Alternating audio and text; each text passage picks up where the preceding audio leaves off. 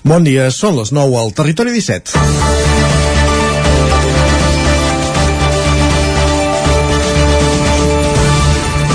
Aquest dimarts feia tres mesos de l'inici dels atacs de Rússia sobre Ucraïna. El mateix dimarts, la presidenta de la Comissió Europea, Ursula von der Leyen, alertava que l'actitud de Vladimir Putin pot provocar una crisi alimentària.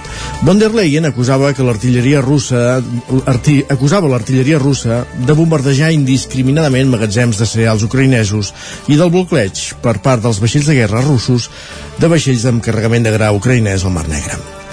La guerra té una conseqüència evident, que són els atacs a la població civil i els exilis, però moltes derivades. En una d'elles ens hi hem fixat des del primer dia, ja que Ucraïna es considera el graner d'Europa i el cereal que s'ha cultivat els darrers mesos no surt del país i, òbviament, serà difícil que se'n cultivi a curt termini. Això ha provocat especulació als mercats davant la previsible falta de producte i, en conseqüència, augments de preu. A la llotja de Barcelona, en aquests tres mesos, el preu del blat de moro ha incrementat en un 31%.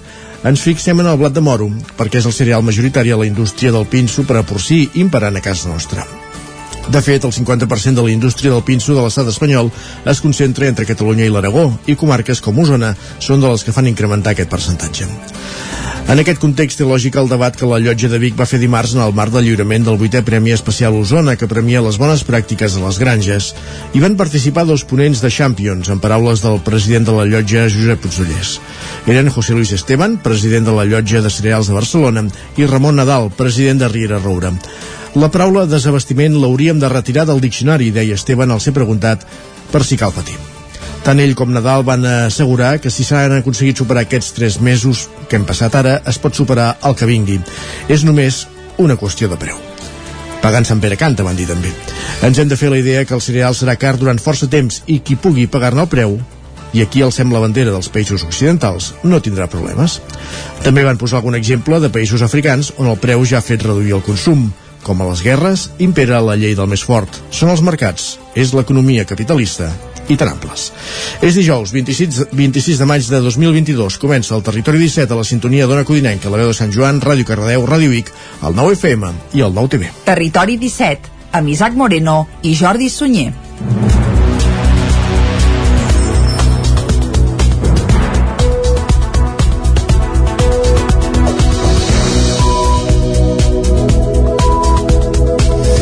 Passen dos minuts i mig de les 9 del matí d'avui dijous, dia 26 de maig de 2022 i arrenca de seguida un nou territori 17 que avui, com sempre, durant la primera hora us acostarà tota l'actualitat de les nostres comarques. A partir de les 10 actualitzarem butlletí informatiu, també parlarem del temps i després, Isaac, anirem cap a l'entrevista.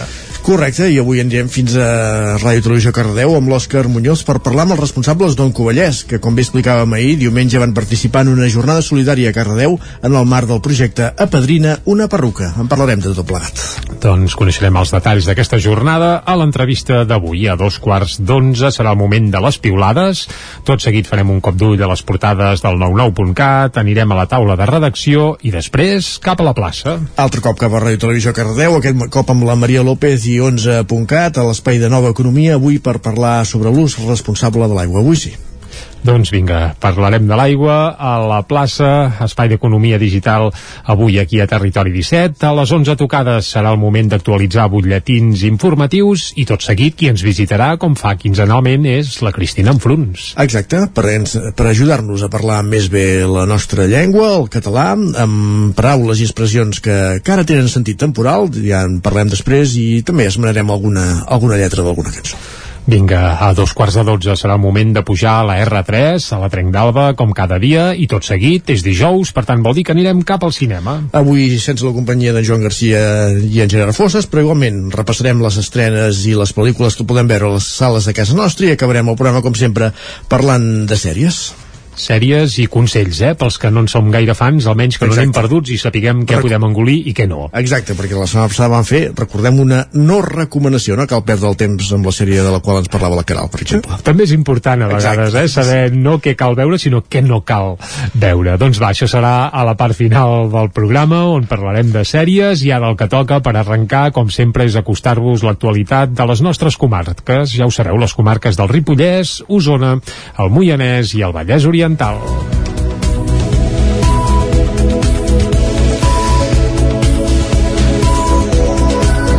Ho dèiem a la portada, l'abastiment de cereal està garantit als països que poden pagar-lo. És una de les principals conclusions de les ponències que el president de la llotja de cereals de Barcelona, José Luis Esteban, i Ramon Nadal, president de Riera Roura, van fer dimarts a Vic. La seva xerrada formava part de l'acte de lliurament del Premi Especial Osona, que reconeix les bones pràctiques en el sector porcí i que va guardonar una granja de Torelló, dues del Solsonès i una de la Noia. La granja JR de Torelló va rebre el Premi Especial Osona Banc Sabadell 2022 en la categoria de transició en el lliurament de la vuitena edició dels guardons que es va fer dimarts a Vic.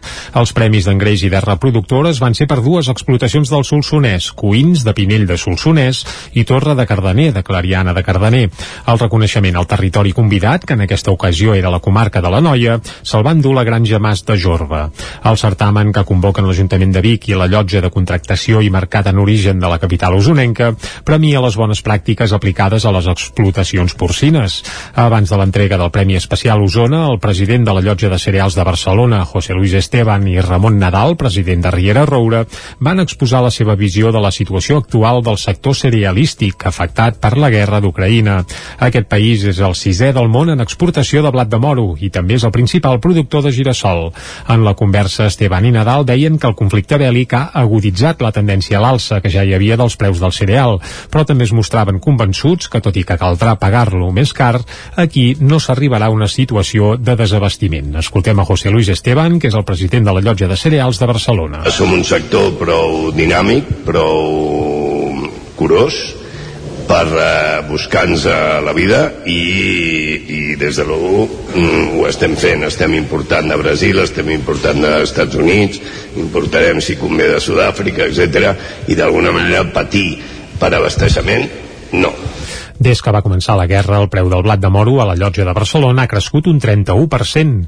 D'aquest cereal, l'estat espanyol n'importa 9 milions de tones anuals. Nadal també va explicar que les properes dècades el PIB de la Xina i l'Índia sobrepassarà el dels Estats Units. Això, deia, es traduirà en un major benestar de la població d'aquests dos països i en possibles canvis en la seva alimentació que farien incrementar el consum i la demanda de cereals.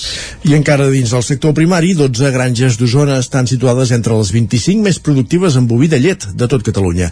Mas Isern de Vic i Can Barrina de Santa Cecília de Voltregà ocupen la segona i la tercera posició. Tot i la situació crítica que ha viscut el sector lleter durant el 2021, l'Associació Frisona d'Osona continua sent l'associació de frisones que més granges té entre les 25 primeres del rànquing de productivitat, segons l'informe de dades de control lleter de raça frisona que ha fet públic la FEFRIC, la Federació Frisona de Catalunya. De fet, pràcticament la meitat, 12, són d'aquesta comarca. És una més que l'any passat.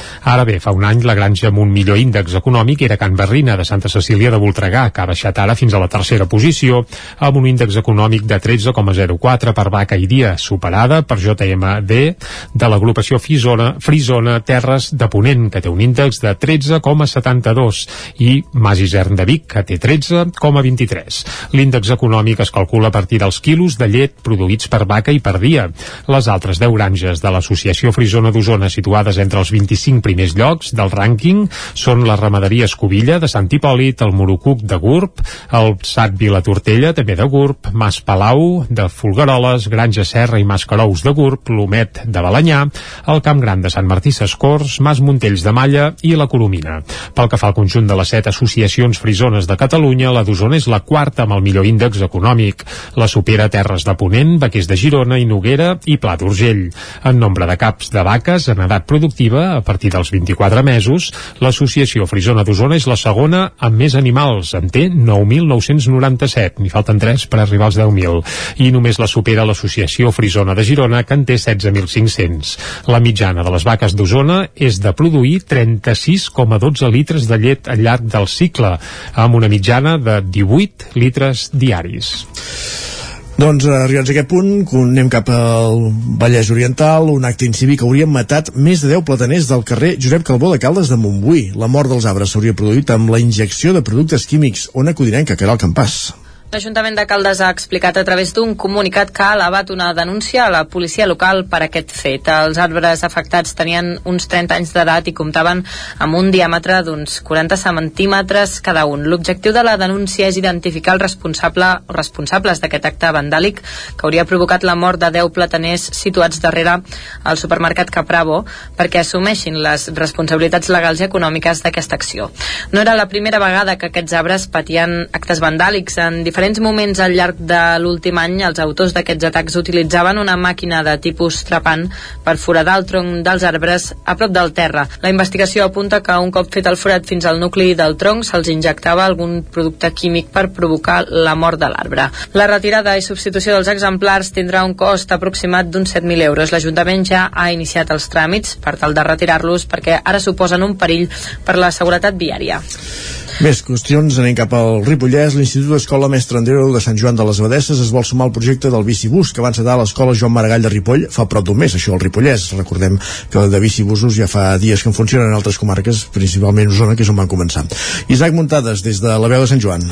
Aquest dimecres, la sala de plens de l'Ajuntament de Sant Joan va acollir una xerrada a càrrec de les AFA de l'Institut Escola Mestre Andreu i de la Llar d'Infants al Molí Petit i del Consistori Sant Joaní per donar a conèixer el Bicibús, un projecte comunitari i col·laboratiu perquè els nens puguin anar a l'escola en bicicleta de forma segura i en grup, que va ser impulsat per l'associació Canvis en Cadena. El Bicibús va néixer a Vic l'any 2020 i s'ha estès per tot Catalunya. Al Ripollès, l'escola Joan Maragall ha estat la pionera en la creació del Bicibús, ja que va ser l'única que va apostar per aquesta proposta quan va plantejar-la l'associació l'associació líder Ripollès Bisaura. Arnau Urgell, de la Comissió d'Esports de l'AFA de l'Escola Joan Maragall i un dels impulsors del bicibús en aquest centre, també va ser a Sant Joan per explicar-ne l'experiència. Per ara només es fa el divendres, però la idea és que els nens al llarga puguin agafar la bicicleta més d'un dia a la setmana i deixar el cotxe a casa. Urgell explicava que per participar en el bicibús només cal inscriure el nen en una aplicació per saber a quina parada vindrà. Després només cal pedalar. És que hem dibuixat sobre un mapa, que en aquest cas és virtual, unes línies, de tal manera que, per exemple, en el nostre cas tenim quatre línies que ens permeten arribar a l'escola. Cada línia té uns recorreguts i té uns horaris, de tal manera que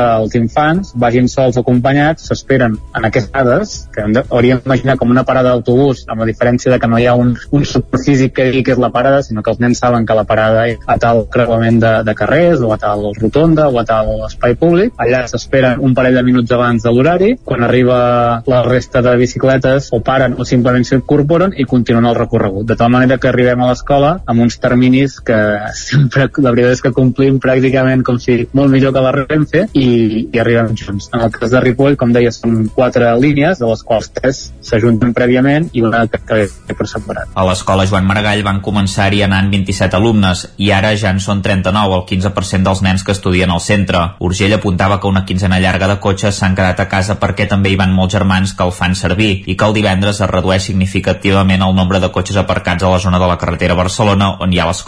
Fins a P5 és obligatori que els nens vagin acompanyats pels pares, però el bicibús també disposa de voluntaris que fan de motor del grup. Segons Urgell, el més positiu d'aquest mes ha estat la sensació de comunitat que s'ha creat i la clau va ser que la formació per explicar com funcionaria el bicibús s'hi van inscriure molts pares que no sabien que hi tenien interès. El consistori Ripollès també hi ha ajudat molt i coincidint amb el Dia Mundial de la Bicicleta el pròxim 3 de juny a partir de les 5 i 20 minuts de la tarda a Ripoll es farà un bicibús conjunt de totes les escoles de Ripoll amb tres parades per anar cap a la festa de la bicicleta a la Devesa del Pla amb un berenar popular, circuits d'habilitat i un espectacle de Jessi Carpín. I tot seguit s'entregaran els premis de la Lliga de Marxes Infantils de Ripoll.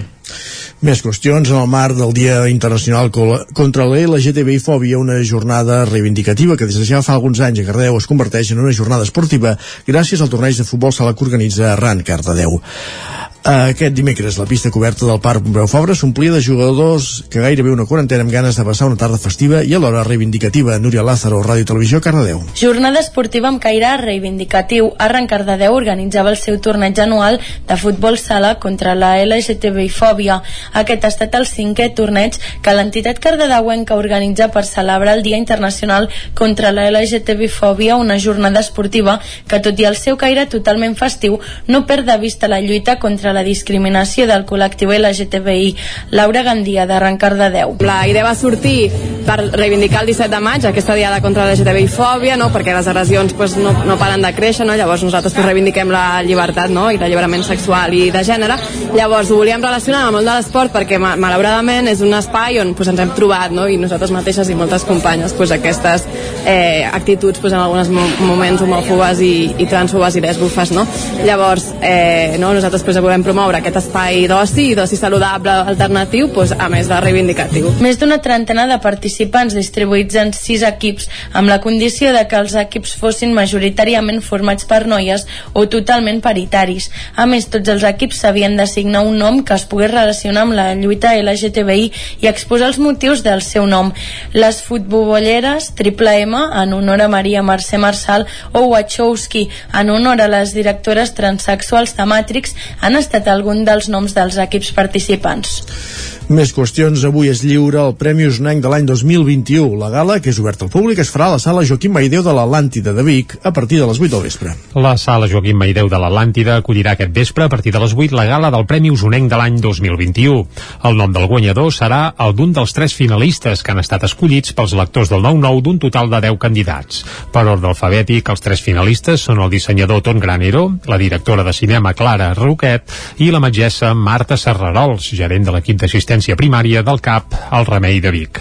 El presentador de la gala serà el periodista del Nou TV Guillem Sánchez i la gala també comptarà amb l'actuació musical de la cantautora torellonenca Marta Frigola. Durant la cerimònia també es reconeixeran la investigadora manlleuenca Violeta Sánchez i la futbolista del Burgunyà Bruna Vilamala, jugadora del primer equip del Barça. Ells, elles dues rebran els premis que lliura la Cambra d'Osona i el Consell Comarcal. L'acte a l'Atlàntida de Vic és obert al públic i també es podrà seguir en directe a través del Nou TV i el 99.cat.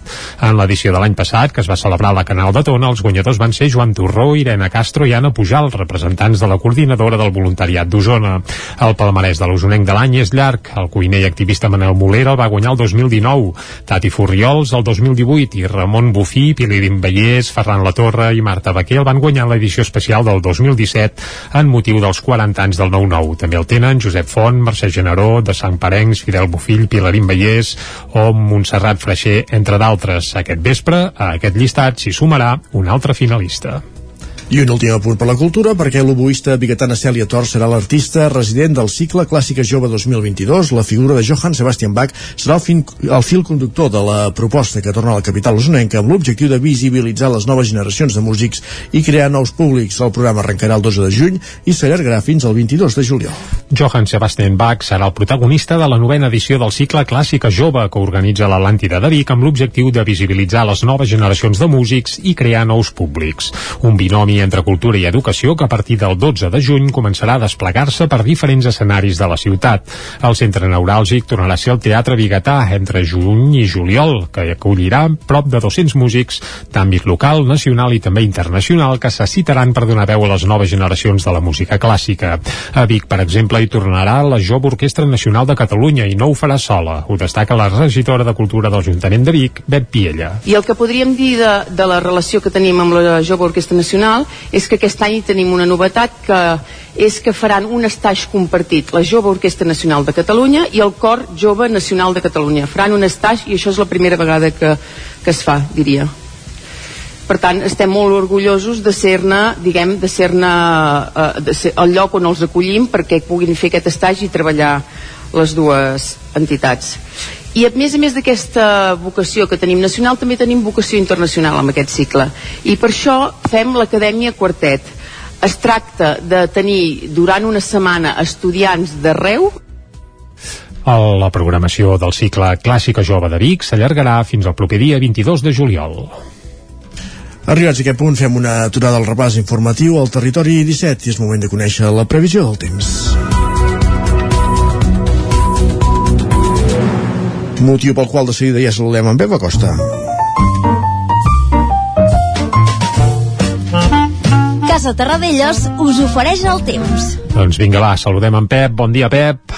Hola, molt bon dia a tothom. I molt bona hora. Salutacions. Gràcies, gràcies. Des de Sant Feliu Codines, salutacions a tota la gent que fa possible el programa. Molt bé. I també a tots els nostres amics oients, què tal esteu? Bé, bé, bé. Ben refrescats, eh? eh Déu-n'hi-do com ha canviat el temps uh -huh. aquests dos últims dies. Eh, molta gent ha rescatat pantalons llargs, eh, alguna jaqueta, alguna, algun jersei, i és que al cap de setmana ja molta gent els va deixar a l'armari pensant que no els agafaria fins al setembre, mm, doncs malament, perquè la primavera és això, és un canvi de temps constant, uh, la primavera uh, és, és una disbauxa, una, una, una festa, no, no, no tant, no tant, eh, però, però sí que és un, és això, és, és un, un dia fa calor, és veritat que cap de setmana la calor va ser insuportable, quasi bé, eh, no és normal tanta calor, però sí que és normal eh, que algun dia faci força calor, que un altre dia vingui un front i baixin en picar les temperatures. Dintre del que cap, dintre del que cap, és, és una mica normal aquest temps que tenim aquests dies, tot i que la calor es va disparar de manera massa, massa important al cap de setmana. Però ahir, ahir vam tenir unes temperatures que molt, molt a ratlla, la majoria màximes 20-21 graus, eh, no, no van ser molt altes ni de bon tros, va, hi va haver força núvols encara, però no va, no, no va ploure eh, com dimarts, eh? dimarts va ser un dia passat per aigua, ahir no, eh? ahir no, però sí que aquest front de nord va fer que la temperatura es mantingués molt a ratlla. I a més, un canvi en el paisatge. Si heu vist el, el bosc, si heu vist el cel, eh, hi ha una visibilitat excel·lent, el bosc està net, eh, la pluja el va netejar, eh, hi, ha, hi ha hagut un canvi, un canvi eh, molt, molt important eh, gràcies a aquesta pluja que hi va haver el dimarts. Anem pel dia d'avui, ja ens sentem el dia d'avui, que hem començat força fresc, però amb, amb molta variabilitat termo, uh, ter, uh, molta variabilitat uh, de temperatures. Uh, cap al preditoral mínimes entre els 13, entre els 13 i, i 15 graus, uh, temperatures fresques, però no molt tampoc, a l'interior, cap a Osona, Mollanès, temperatures mínimes inferiors als 10 graus, en unes poblacions 6-7 graus, temperatures fredes, i al Pirineu, a moltes poblacions, fins i tot per sota dels 5 graus, i alta muntanya entre el 0 i els 1, i el 1 grau. Uh, per tant, ja veieu molta variabilitat termomètrica, uh, molta, molta diversitat de temperatures en aquest matí de dijous. Hi ha una boira, hi ha alguns núvols cap al Pirineu i també hi ha vent de nord. Se sent el vent de nord a les parts més altes del Pirineu. Un vent que se sentirà durant tot el dia, es deixarà notar durant tot el dia. Uh, farà sol, aquestes boires que hi ha ara, aquesta nuvolositat minvarà i farà sol fins al migdia. De cara a la tarda, s'inflarà, creixerà una nuvolada cap a zones de muntanya, sense cap precipitació, no hi ha les condicions perquè creixin de forma important aquestes nuvolades i no deixaran precipitació, no fa molta calor, no hi ha uh, no hi ha els ingredients típics perquè les, les nuvolades puguin créixer de forma important. I a la tarda les temperatures pujaran. Si ahir les màximes 21-22 graus avui 3 o 4 graus més altes. La majoria de màximes entre els 24 i els 26 uh, temperatures potser fins i tot una mica més baixa encara el que seria una l'època de l'any. Ara ja seria molt habitual, estem a finals de maig uh, 30 graus de màxima, 31 no estaran una mica per sota del que seria habitual. Però serà un dia avui molt agradable, un dia avui molt tranquil i que podeu fer totes les activitats programades sense cap problema. I això és tot. Moltes gràcies. Adeu. Gràcies a tu, Pep. Vinga, va, podem fer totes les activitats programades, diu en Pep, eh? Doncs ara tenim programat doncs, anar cap al quiosc. Va, anem-hi, anem-hi. Casa Tarradellas us ha ofert aquest espai. I anem al quiosc a conèixer les portades dels diaris. Avui, com a bon dijous, comencem a parlar del 9-9 del Vallès Oriental, perquè demà és festa Granollers, estem en plena ascensió i el diari ha sortit avui. Correcte, avui fem una excepció i arrenquem fent un cop d'ull al 9-9 del Vallès Oriental, el d'Osona i el Ripollès sortirà demà, el del Vallès ha sortit avui i obre explicant que la francesa Barat Alte reindustrialitzarà la planta que Bosch abandona a Lliçà. L'empresa de material ferroviari preveu recol·locar 60 dels 113 treballadors que tenia la planta. La fotografia principal és per l'ascensió i titulen Una ascensió d'economia verda. El pregó de la mestra Agnès Buixader arrenca unes fires i festes de Granollers que reivindiquen la sostenibilitat, la proximitat i el respecte pel medi ambient. I també hi veiem a la portada que Aigua Freda vota si és del Vallès Oriental o d'Osona. Aquesta votació es farà aquest cap de setmana i hi ha convocades unes 2.200 persones que són els empadronats de més de 16 anys que hi ha Aigua Freda. Ara bé, el resultat diu que no se sabran fins dimarts, eh? Sí, perquè clar, han de, com que es pot fer presencialment, també telemàticament, Carai. han de mirar que algú no faci les dues coses, que no es dupliquin vots, etc etc. Per tant, per saber el resultat de tot plegat caldrà sí, esperar si en unes eleccions pots comptar 40 milions de persones en una nit, no pots mm. comptar el d'aigua freda amb un... Bueno, en fi, és igual. Sí, uh, és el que hi ha. Anem a les portades d'àmbit nacional. Va, comencem pel punt avui titulen Traveta al català i és que Vox, Ciutadans i PP durant la llei de llengües oficials al Consell de Garanties. Això vol dir que l'aprovació de moment queda en suspens i es podria esgotar el termini del TCJ i la fotografia per això no és per aquesta traveta al català, sinó que és per la golejada que va fer a Catalunya i a, davant la tot a, a Jamaica. Ah, golejada i recitar el català a Montilivi. La selecció torna a exhibir nivell i motivació davant de més de 6.000 seguidors. Així eh, titula el punt avui i es veu que Catalunya des de l'any 27, 1927, no, té, no feia un resultat eh, similar, eh, golejant d'aquesta manera. Eh, espectacular. A l'ara va, la triple dreta maniobra per retardar l'acord pel català català, una portada similar a, del, a la del punt avui, i també hi veiem Partygate, vòmits, baralles i karaoke. Uh, tot això, bé, les festes de Boris Johnson, doncs que les detallen a l'ara. A l'avantguàrdia, la guerra Ucraïna pot durar, hem d'estar preparats, i qui diu això és el cap de l'Aliança Atlàntica. La fotografia, però, és per l'assassí de, de Texas, que es veu que va avisar abans per Facebook del disbarat que, que faria. El periòdico obren precisament per aquí. Texas ressuscita el debat sobre el control de les armes amb una fotografia d'una família abraçant-se i també Vox, Ciutadans i PP s'alien per retardar la llei del català. I ràpidament, cop d'ull a les portades ibèriques que s'editen des de Madrid. Comencem per La Razón.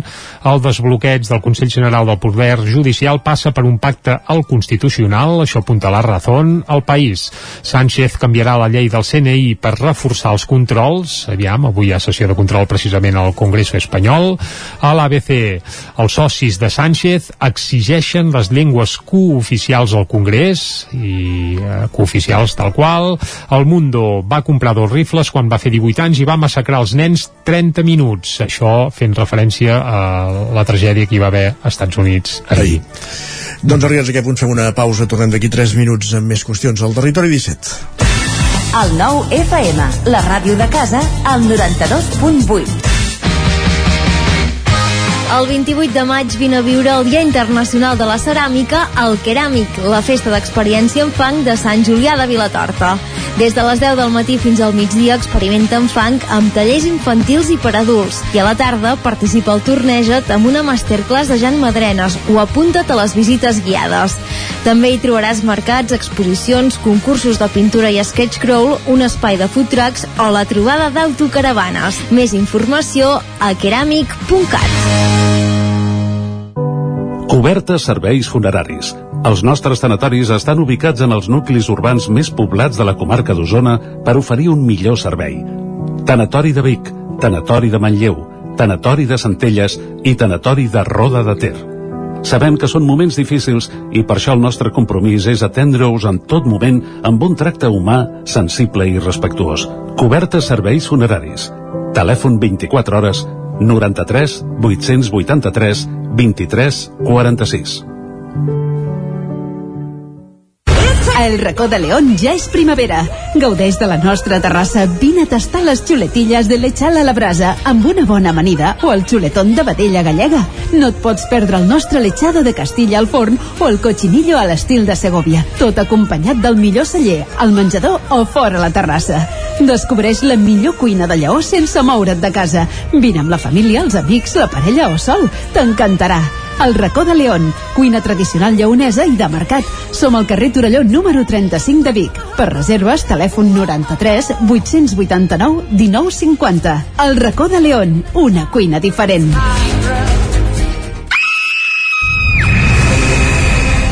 Sherlock Holmes ha mort i Watson necessita la vostra ajuda per tornar enrere en el temps i trobar el punt exacte per salvar-lo del parany de Moriarty.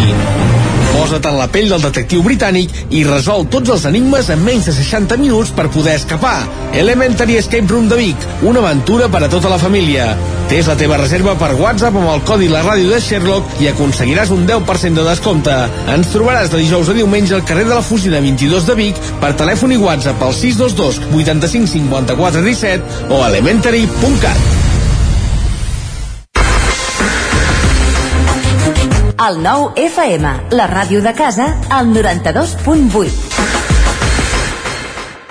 Anuncia't al 9 FM. La màquina de casa. 9 3 8 8 9 4 9 4 9 Publicitat arroba al 9FM.cat. Anuncia't al 9 FM. La publicitat més eficaç. El 9 FM, el 9 FM, el 9 FM, el 9 FM, el 9 FM. En punt, dos quarts de deu al territori 17. Territori 17, amb Isaac Moreno i Jordi Sunyer.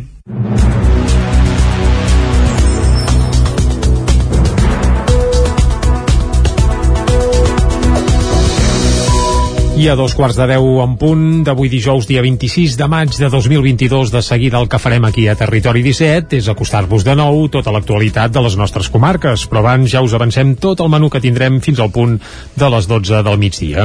Avui, per exemple, abans de les 10, Isaac, com cada dia hi posarem música i estrenarem una peça que es titula Margarita. Així amb T, eh? Margarita.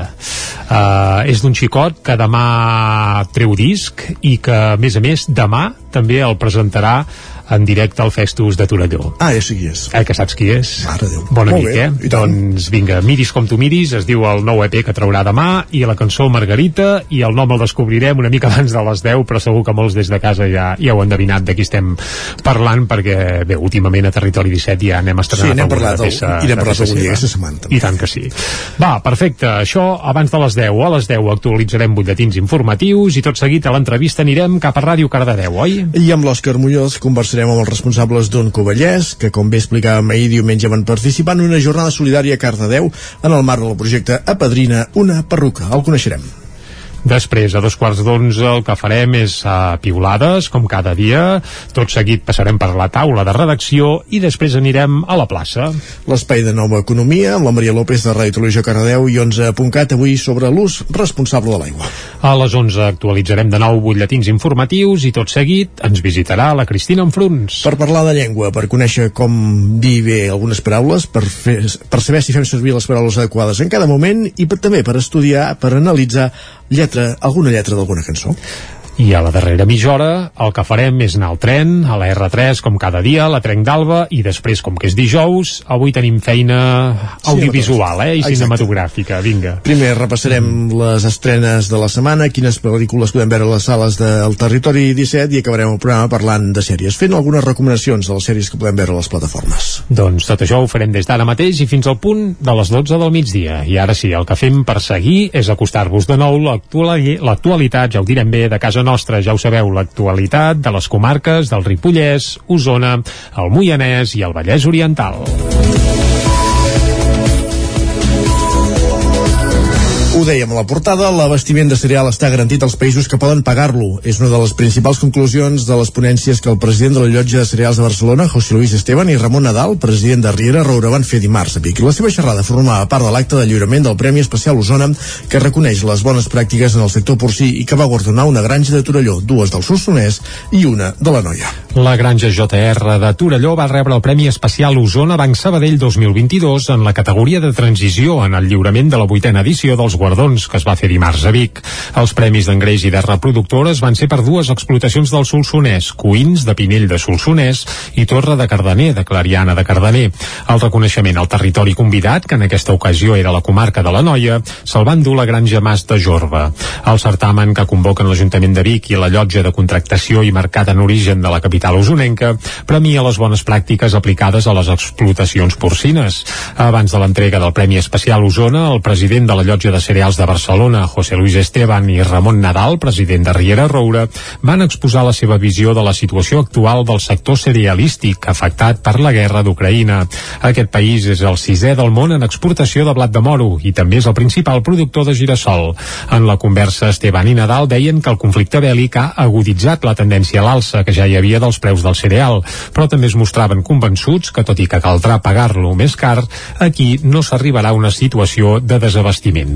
Escoltem a José Luis Esteban, que és el president de la llotja de cereals de Barcelona. Som un sector prou dinàmic, prou curós, per uh, buscar-nos la vida i, i des de l'1 mm, ho estem fent, estem important de Brasil, estem important dels Estats Units, importarem si convé de Sud-àfrica, etc i d'alguna manera patir per abasteixement no. Des que va començar la guerra, el preu del blat de moro a la llotja de Barcelona ha crescut un 31%. D'aquest cereal, l'estat espanyol n'importa 9 milions de tones anuals. Nadal també va explicar que les properes dècades el PIB de la Xina i l'Índia sobrepassarà el dels Estats Units. Això, deia, es traduirà en un major benestar de la població d'aquests dos països i en possibles canvis en la seva alimentació que farien incrementar el consum i la demanda de cereals.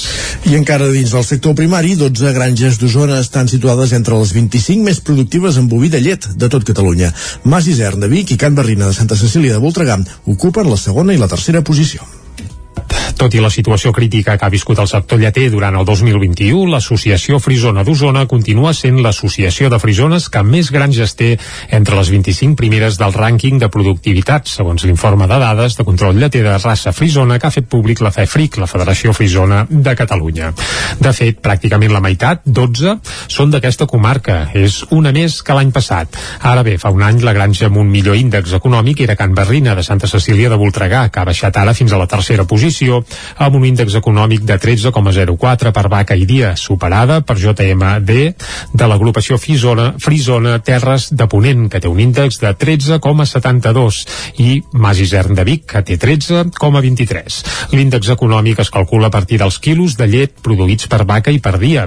Les altres 10 granges de l'Associació Frisona d'Osona situades entre els 25 primers llocs del rànquing són la ramaderia Escobilla de Sant Hipòlit, el Morucuc de Gurb, el Sat Vila Tortella, també de Gurb, Mas Palau, de Folgueroles, Granja Serra i Mas Carous de Gurb, l'Homet de Balanyà, el Camp Gran de Sant Martí Sescors, Mas Montells de Malla i la Coromina.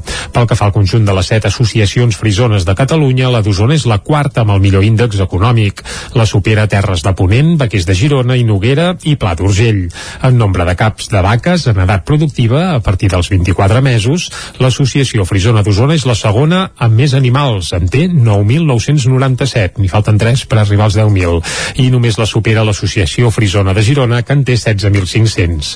La mitjana de les vaques d'Osona és de produir 36,12 litres de llet al llarg del cicle, amb una mitjana de 18 litres diaris. Doncs arribats a aquest punt, anem cap al Vallès Oriental, un acte incívic hauria matat més de 10 plataners del carrer Josep Calbó de Caldes de Montbui. La mort dels arbres s'hauria produït amb la injecció de productes químics. On acudirem que queda el campàs? L'Ajuntament de Caldes ha explicat a través d'un comunicat que ha elevat una denúncia a la policia local per aquest fet. Els arbres afectats tenien uns 30 anys d'edat i comptaven amb un diàmetre d'uns 40 centímetres cada un. L'objectiu de la denúncia és identificar el responsable o responsables d'aquest acte vandàlic que hauria provocat la mort de 10 plataners situats darrere el supermercat Capravo perquè assumeixin les responsabilitats legals i econòmiques d'aquesta acció. No era la primera vegada que aquests arbres patien actes vandàlics en diferents diferents moments al llarg de l'últim any, els autors d'aquests atacs utilitzaven una màquina de tipus trepant per foradar el tronc dels arbres a prop del terra. La investigació apunta que un cop fet el forat fins al nucli del tronc se'ls injectava algun producte químic per provocar la mort de l'arbre. La retirada i substitució dels exemplars tindrà un cost aproximat d'uns 7.000 euros. L'Ajuntament ja ha iniciat els tràmits per tal de retirar-los perquè ara suposen un perill per la seguretat viària. Més qüestions, anem cap al Ripollès. L'Institut Escola Mestre Andreu de Sant Joan de les Abadesses es vol sumar al projecte del bicibús que va encetar a l'Escola Joan Maragall de Ripoll fa prop d'un mes, això al Ripollès. Recordem que de bicibusos ja fa dies que funcionen en altres comarques, principalment Osona, que és on van començar. Isaac Muntades, des de la veu de Sant Joan.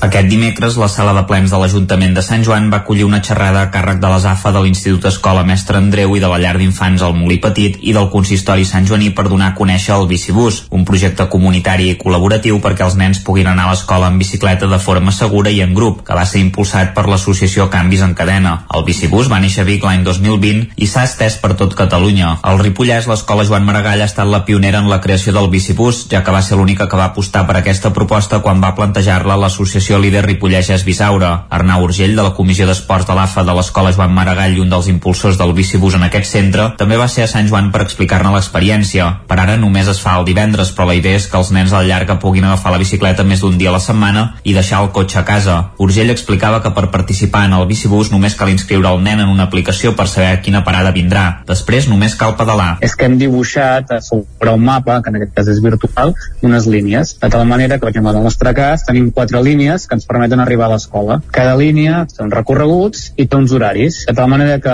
els infants vagin sols o acompanyats, s'esperen en aquestes dades, que hauríem d'imaginar com una parada d'autobús, amb la diferència de que no hi ha un, un superfísic que digui que és la parada, sinó que els nens saben que la parada és a tal creuament de, de carrers, o a tal rotonda, o a tal espai públic. Allà s'esperen un parell de minuts abans de l'horari, quan arriba la resta de bicicletes o paren o simplement s'incorporen i continuen el recorregut, de tal manera que arribem a l'escola amb uns terminis que sempre la veritat és que complim pràcticament com si molt millor que la Renfe i, i arribem junts. En el cas de Ripoll, com deia, són quatre línies, de les quals tres s'ajunten prèviament i una que, que ve per separat. A l'escola Joan Maragall van començar-hi anant 27 alumnes i ara ja en són 39, el 15% dels nens que estudien al centre. Urgell apuntava que una quinzena llarga de cotxes s'han quedat a casa perquè també hi van molts germans que el fan servir i que el divendres es redueix significativament el nombre de cotxes aparcats a la zona de la carretera Barcelona on hi ha l'escola. Fins a P5 és obligatori que els nens vagin acompanyats pels pares, però el bicibús també disposa de voluntaris que fan de motor del grup. Segons Urgell, el més positiu d'aquest mes ha estat la sensació de comunitat que s'ha creat i la clau va ser que la formació per explicar com funcionaria el bicibús s'hi van inscriure molts pares que no sabien que hi tenien interès. El consistori Ripollès també hi ha ajudat molt i coincidint amb el Dia Mundial de la Bicicleta el pròxim 3 de juny a partir de les 5 i 20 minuts de la tarda a Ripoll es farà un bicibús conjunt de totes les escoles de Ripoll amb tres parades per anar cap a la festa de la bicicleta a la Devesa del Pla amb un berenar popular, circuits d'habilitat i un espectacle de Jessi Carpín. I tot seguit s'entregaran els premis de la Lliga de Marxes Infantils de Ripoll.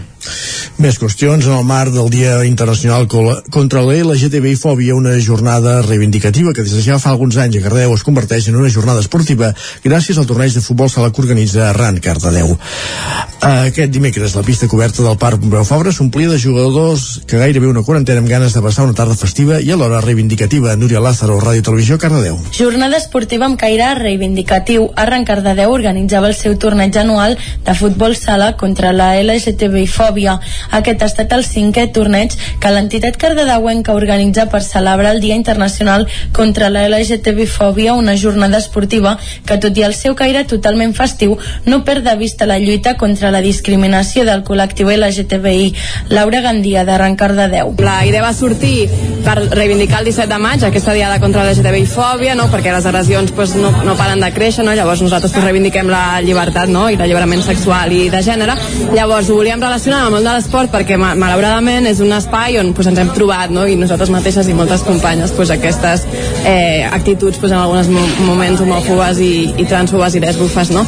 llavors eh, no? nosaltres pues, volem promoure aquest espai d'oci d'oci saludable alternatiu pues, a més de reivindicatiu més d'una trentena de participants distribuïts en sis equips amb la condició de que els equips fossin majoritàriament formats per noies o totalment paritaris a més tots els equips s'havien d'assignar un nom que es pogués es relaciona amb la lluita LGTBI i exposa els motius del seu nom. Les futbolleres, Triple M, en honor a Maria Mercè Marçal, o Wachowski, en honor a les directores transexuals de Matrix, han estat algun dels noms dels equips participants. Més qüestions. Avui és lliure el Premi Usnenc de l'any 2021. La gala, que és oberta al públic, es farà a la sala Joaquim Maideu de l'Atlàntida de Vic a partir de les 8 del vespre. La sala Joaquim Maideu de l'Atlàntida acollirà aquest vespre a partir de les 8 la gala del Premi Usonenc de l'any 2021. El nom del guanyador serà el d'un dels tres finalistes que han estat escollits pels lectors del 9-9 d'un total de 10 candidats. Per ordre alfabètic, els tres finalistes són el dissenyador Ton Granero, la directora de cinema Clara Roquet i la metgessa Marta Serrarols, gerent de l'equip d'assistència primària del CAP, al Remei de Vic. El presentador de la gala serà el periodista del Nou TV Guillem Sánchez i la gala també comptarà amb l'actuació musical de la cantautora torellonenca Marta Frigola. Durant la cerimònia també es reconeixeran la investigadora manlleuenca Violeta Sánchez i la futbolista de Borgunyà Bruna Vilamala, jugadora del primer equip del Barça. Ells, elles dues rebran els premis que lliura la Cambra d'Osona i el Consell Comarcal. L'acte a l'Atlàntida de Vic és obert al públic i també es podrà seguir en directe a través del nou TV i el 99.cat. En l'edició de l'any passat, que es va celebrar a la Canal de Tona, els guanyadors van ser Joan Torró, Irene Castro i Anna Pujal, representants de la coordinadora del voluntariat d'Osona. El palmarès de l'Osonenc de l'any és llarg. El cuiner i activista Manel Molera el va guanyar el 2019, Tati Furriols el 2018 i Ramon Bufí, Pilirim Vallès, Ferran Latorre i Marta Baquer el van guanyar en l'edició especial del 2017 en motiu dels 40 anys del 9-9. També el tenen Josep Font, Mercè Generó, de Sant Parencs, Fidel Bufill, Pilarín Vallès o Montserrat Freixer, entre d'altres. Aquest vespre, a aquest llistat s'hi sumarà un altre finalista. I un últim apunt per la cultura, perquè l'oboista biguetana Cèlia Tor serà l'artista resident del cicle Clàssica Jove 2022. La figura de Johann Sebastian Bach serà el, fin, el fil conductor de la proposta que torna a la capital usonenca amb l'objectiu de visibilitzar les noves generacions de músics i crear nous públics. El programa arrencarà el 12 de juny i s'allargarà fins al 22 de juliol. Johann Sebastian Bach serà el protagonista de la novena edició del cicle Clàssica Jove que organitza l'Atlàntida de Vic amb l'objectiu de visibilitzar les noves generacions de músics i crear nous públics. Un binomi entre cultura i educació que a partir del 12 de juny començarà a desplegar-se per diferents escenaris de la ciutat. El centre neuràlgic tornarà a ser el Teatre Bigatà entre juny i juliol, que acollirà prop de 200 músics d'àmbit local, nacional i també internacional que se citaran per donar veu a les noves generacions de la música clàssica. A Vic, per exemple, hi tornarà la Jove Orquestra Nacional de Catalunya i no ho farà sola. Ho destaca la regidora de Cultura de l'Ajuntament de Vic, Bet Piella. I el que podríem dir de, de la relació que tenim amb la Jove Orquestra Nacional és que aquest any tenim una novetat que és que faran un estatge compartit la Jove Orquestra Nacional de Catalunya i el Cor Jove Nacional de Catalunya. Faran un estatge i això és la primera vegada que, que es fa, diria per tant estem molt orgullosos de ser-ne diguem, de ser-ne eh, de ser el lloc on els acollim perquè puguin fer aquest estatge i treballar les dues entitats. I a més a més d'aquesta vocació que tenim nacional també tenim vocació internacional amb aquest cicle. I per això fem l'Acadèmia Quartet. Es tracta de tenir durant una setmana estudiants d'arreu La programació del cicle Clàssica Jove de Vic s'allargarà fins al proper dia 22 de juliol. Arribats a aquest punt fem una aturada al repàs informatiu al territori 17 i és moment de conèixer la previsió del temps. Motiu pel qual de seguida ja saludem en Pep Acosta. Casa Terradellos us ofereix el temps. Doncs vinga, va, saludem en Pep. Bon dia, Pep. Hola, molt bon dia a tothom. I molt bona hora. Salutacions. Gràcies, gràcies. Des de Sant Feliu Codines, salutacions a tota la gent que fa possible el programa. Molt bé. I també a tots els nostres amics oients. Què tal esteu? Bé, bé, bé. Ben refrescats, eh? eh Déu-n'hi-do com ha canviat el temps uh -huh. aquests els últims dies. Eh, molta gent ha rescatat pantalons llargs, eh, alguna jaqueta, alguna, algun jersei, i és que al cap de setmana ja molta gent els va deixar a l'armari pensant que no els agafaria fins al setembre.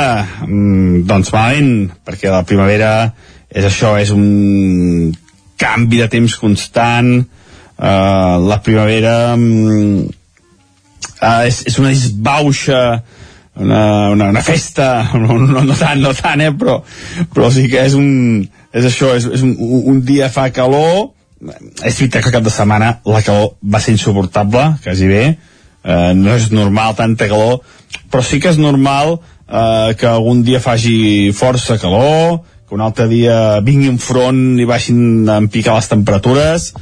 Dintre del que cap, dintre del que cap, és, és una mica normal aquest temps que tenim aquests dies, tot i que la calor es va disparar de manera massa, massa important al cap de setmana.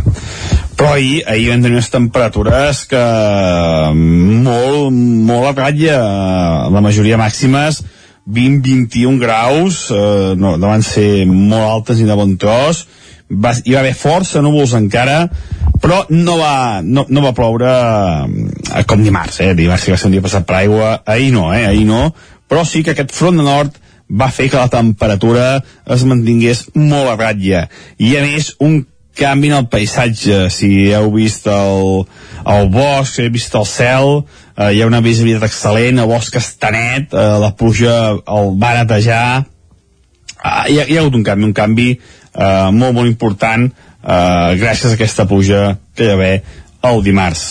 Anem pel dia d'avui, ja ens sentem el dia d'avui, que hem començat força fresc, però amb, amb molta variabilitat termo, uh, ter, uh, amb molta variabilitat uh, de temperatures.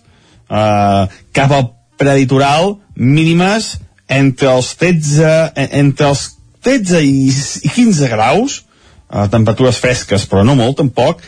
A l'interior cap Osona, Mollanès temperatures mínimes inferiors als 10 graus en unes poblacions 6-7 graus temperatures fredes i al Pirineu a moltes poblacions fins i tot per sota dels 5 graus i alta muntanya entre el 0 i els 1 i el 1 grau uh, per tant ja veieu molta variabilitat termomètrica uh, molta, molta diversitat de temperatures en aquest matí de dijous. Hi ha una boira, hi ha alguns núvols cap al Pirineu i també hi ha vent de nord. Se sent el vent de nord a les parts més altes del Pirineu. Un vent que se sentirà durant tot el dia, es deixarà notar durant tot el dia. Uh, farà sol, aquestes boires que hi ha ara, aquesta nuvolositat minvarà i farà sol fins al migdia. De cara a la tarda, s'inflarà, creixerà una nuvolada cap a zones de muntanya, sense cap precipitació, no hi ha les condicions perquè creixin de forma important aquestes nuvolades i no deixaran precipitació, no fa molta calor, no hi ha eh, no hi ha els ingredients típics perquè les, les nuvolades puguin créixer de forma important. I a la tarda les temperatures pujaran. Si ahir les màximes 21-22 graus avui 3 o 4 graus més altes. La majoria de màximes entre els 24 i els 26 eh, temperatures potser fins i tot una mica més baixa encara que seria una per l'època de l'any. Ara ja seria molt habitual, estem a finals de maig eh, 30 graus de màxima, 31 no estaran una mica per sota del que seria habitual. Però serà un dia avui molt agradable, un dia avui molt tranquil i que podeu fer totes les activitats programades sense cap problema. I això és tot. Moltes gràcies. Adeu. Gràcies a tu, Pep. Vinga, va, podem fer totes les activitats programades, diu en Pep, eh? Doncs ara tenim programat doncs, cap al quiosc. Va, anem anem Casa Tarradellas us ha ofert aquest espai. I anem al quiosc a conèixer les portades dels diaris. Avui, com a bon dijous, comencem per la del 9-9 del Vallès Oriental, perquè demà és festa Granollers, estem en plena ascensió i el diari ha sortit avui. Correcte, avui fem una excepció i arrenquem fent un cop d'ull al 9-9 del Vallès Oriental, el d'Osona i el Ripollès sortirà demà, el del Vallès ha sortit avui i obre explicant que la francesa Barat Alte reindustrialitzarà la planta que Bosch abandona a Lliçà. L'empresa de material ferroviari preveu recol·locar 60 dels 113 treballadors que tenia la planta. La fotografia principal és per l'ascensió i titulen una ascensió d'economia verda. El pregó de la mestra Agnès Buixader arrenca unes fires i festes de Granollers que reivindiquen la sostenibilitat, la proximitat i el respecte pel medi ambient. I també hi veiem a la portada que Aigua Freda vota si és del Vallès Oriental o d'Osona. Aquesta votació es farà aquest cap de setmana i hi ha convocades unes 2.200 persones que són els empadronats de més de 16 anys que hi ha Aigua Freda. Ara bé, el resultat diu que no se sabran fins fins dimarts, eh? Pel Sí, perquè clar, han de, com que es pot fer presencialment, també telemàticament, Carai. han de mirar que algú no faci les dues coses, que no es dupliquin vots, etc etc. Per tant, per saber el resultat de tot plegat caldrà sí, si esperar unes eleccions un pots comptar 40 milions de persones en una nit, no pots comptar el d'aigua freda amb un... Bueno, en fi, és igual. Sí, ah, és el que hi ha. Anem a les portades d'àmbit nacional. Va, comencem pel punt avui titulen Traveta al català i és que Vox, Ciutadans i PP durant la llei de llengües oficials al Consell de Garanties. Això vol dir que l'aprovació de moment queda en suspens i es podria esgotar el termini del TCJ. I la fotografia per això no és per aquesta traveta al català, sinó que és per la golejada que va fer a Catalunya i a, Davant la tot a, a Jamaica. golejada i recitar el català a Montilivi. La selecció torna a exhibir nivell i motivació davant de més de 6.000 seguidors. Així eh, titula el punt avui i es veu que Catalunya des de l'any 27, 1927, no, té, no feia un resultat eh, similar, eh, golejant d'aquesta manera eh, espectacular. A l'ara va, la triple dreta maniobra per retardar l'acord pel català, una portada similar a, del, a la del punt avui, i també hi veiem Partygate, vòmits, baralles i karaoke. Eh, tot això, bé, les festes de Boris Johnson, doncs que les detallen a l'ara. A l'avantguàrdia, la guerra Ucraïna pot durar, hem d'estar preparats, i qui diu això és el cap de l'Aliança Atlàntica. La fotografia, però, és per l'assassí de, de Texas, que es veu que va avisar abans per Facebook del disbarat que, que faria. El periòdico obren precisament per aquí. Texas ressuscita el debat sobre el control de les armes amb una fotografia d'una família abraçant-se i també Vox, Ciutadans i PP s'alien per retardar la llei del català i ràpidament cop d'ull a les portades ibèriques que s'editen des de Madrid. Comencem per La Razón. El desbloqueig del Consell General del Poder Judicial passa per un pacte al Constitucional. Això apunta La Razón. El País. Sánchez canviarà la llei del CNI per reforçar els controls. Aviam, avui hi ha sessió de control precisament al Congreso espanyol. A l'ABC, els socis de Sánchez exigeixen les llengües cooficials al Congrés i eh, cooficials tal qual. El Mundo va comprar dos rifles quan va fer 18 anys i va massacrar els nens 30 minuts. Això fent referència a la tragèdia que hi va haver als Estats Units ahir. I ja està, ja ho tenim, portades repassades i, escolta, posem-hi música, posem-hi música que sempre és molt més agraït i abans ja hem avançat que avui estrenarem Margarita, no Margarida uh, sinó Margarita per cert que no sé si recordes un grup que va guanyar el Sona Nou fa 5 o 6 anys, els Est Oest sí. i quina era la seva cançó potser més famosa?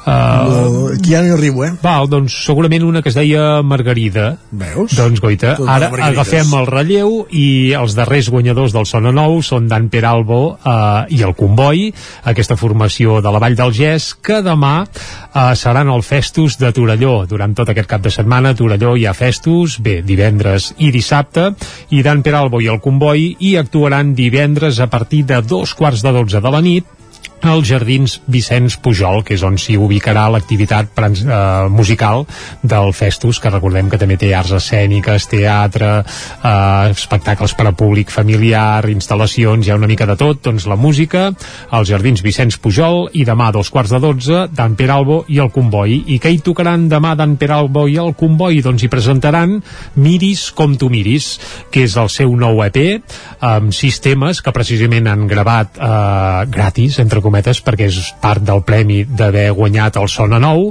i aquest Miris com tu miris, doncs hi ha algunes peces com la que escoltarem ara mateix, que és Margarita. Cal dir que el Miris com tu miris no és el primer treball del Dan Peralbo, primer ja tenia un passat amb De una fet- banda que es deien Els Flipats, De fet, però... no para aquest noi, eh? No, no, no, no, és hiperactiu. A més, l'any passat, bé, ja fa dos anyets va treure un primer disc com a Dan Peralbo que es deia Maikoskis, tot divertit i desenfadat. Abans de Nadal va treure també un altre EP amb alguna Nadala fins i tot. I ara arriba aquest Miris com tu miris, que per cert, eh, n'anem fent propaganda, però fins demà no es podrà escoltar ni a plataformes digitals ni comprar I aquest és el- físicament. és el resultat del Premi Sona Nou o- o sí, encara- sí, sí, sí, aquest, eh? aquest és el resultat del Premi Sona Nou. Molta gent quan guanya el Sona Nou què fa? Doncs com que en teoria el Premi del Sona Nou és anar a enregistrar un estudi professional eh, un EP de 6-7 temes, doncs eh, hi posen quatre calés més i ja fan un LP sencer. El Dan no, ell va pel dret, diu faig això, pim pam pum, i i el que ha fet és un EP que es diu Miris com tu miris on hi ha sis peces i una d'elles és aquesta Margarita que ja estem escoltant de fons.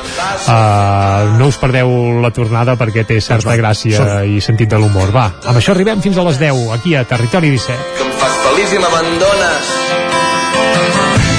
Margarita, fes-me un fill. Que fa dies que te miro quan te miro tot el meu cos delinqueix amb gestos compulsius al braç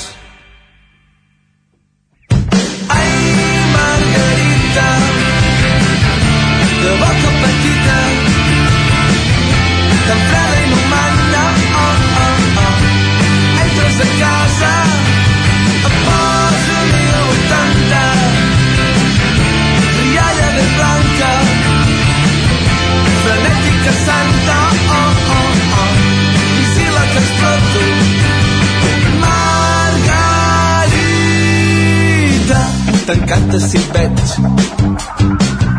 però sé que no em veus. Sé que vaig amb presses però és que estàs sempre a l'espera. De clic en clic el meu vestit preferit. Quantes hores passades ai, ai, ai vella estimada. Ai, Margarita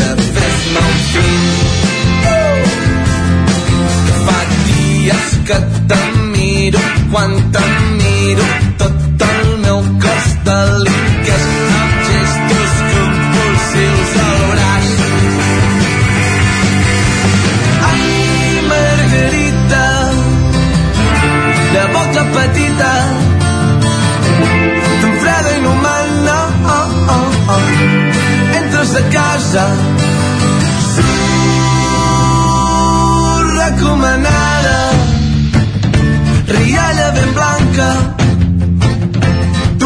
estás farta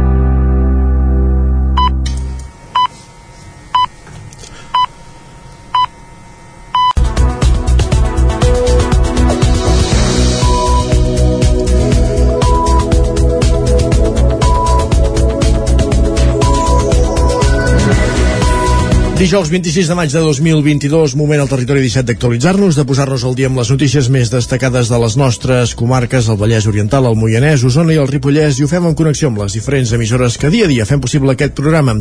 Ràdio Cardedeu, Ona Codinenca, la veu de Sant Joan, Ràdio Vic, el 9 FM i el 9 TV.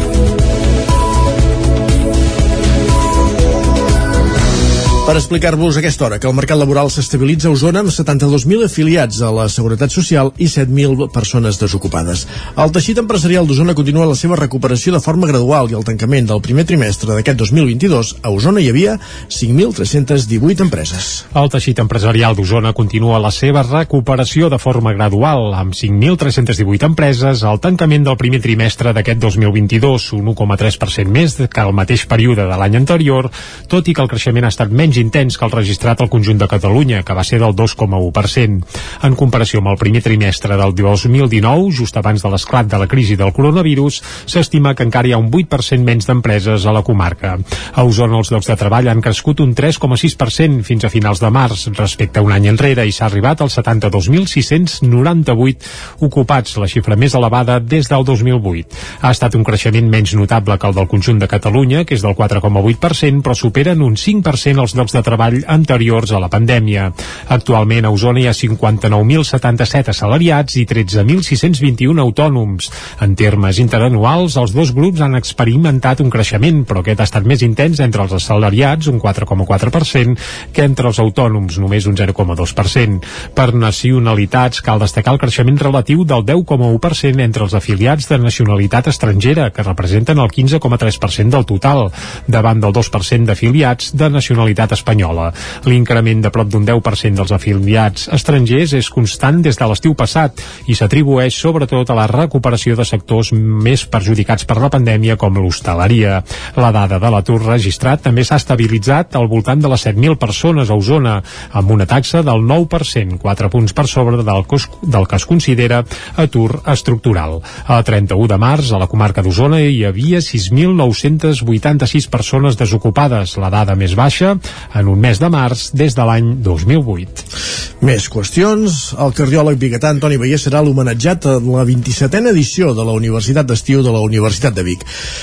La Universitat de Vic porta a terme aquesta iniciativa entre els mesos de maig i setembre per arribar a públics de totes les edats i amb interessos diversos. Inclou una vintena de formacions acadèmiques i una quinzena de propostes culturals. En plena celebració dels 25 anys de la Universitat de Vic, aquest dimarts el rectorat s'hi va presentar la, la 27a edició de la Universitat d'Estiu, una proposta que es desplegarà de maig a setembre i que inclourà una quarantena de propostes acadèmiques i també culturals. Un dels plats forts de l'edició serà l'acte inaugural que se celebrarà el dia 1 de juny a la sala de la columna de l'Ajuntament de Vic i que serà un homenatge que enguany la universitat retrà al cardiòleg biguetà Antoni Vallès. Ho avança Josep Aladi Banyos, rector de la Universitat de Vic, Universitat Central de Catalunya. Doctor Vallès és dels pocs usonencs eh, de l'àmbit de la medicina que ha donat el seu nom a una malaltia. Eh? Hi ha una malaltia reconeguda internacionalment que és la síndrome de Vallès, que es tracta d'una arrítmia de les aurícules eh, que poden donar problemes a les persones que ho tenen amb eh, possibilitats d'ictus, etc. I això ha tingut un reconeixement internacional de manera que aquesta malaltia se la coneix amb el seu nom. L'homenatge al doctor Vallès obrirà el meló d'un programa pensat no només per a la comunitat universitària, sinó també per a professionals de tots els sectors amb interessos diversos. Josep Aladi Banyos. És important tenir aquesta universitat d'estiu, amb el bagatge que té l'UBIC, doncs perquè creiem de que la formació universitària ha d'arribar més enllà dels propis estudiants universitaris? Sobretot professionals amb actiu que requereixen coneixements específics i actualitzats, però també, sense deixar-los de costat, els estudiants universitaris de la nostra o d'altres universitats que volen ampliar les seves experteses durant aquest període eh, teòricament vacacional.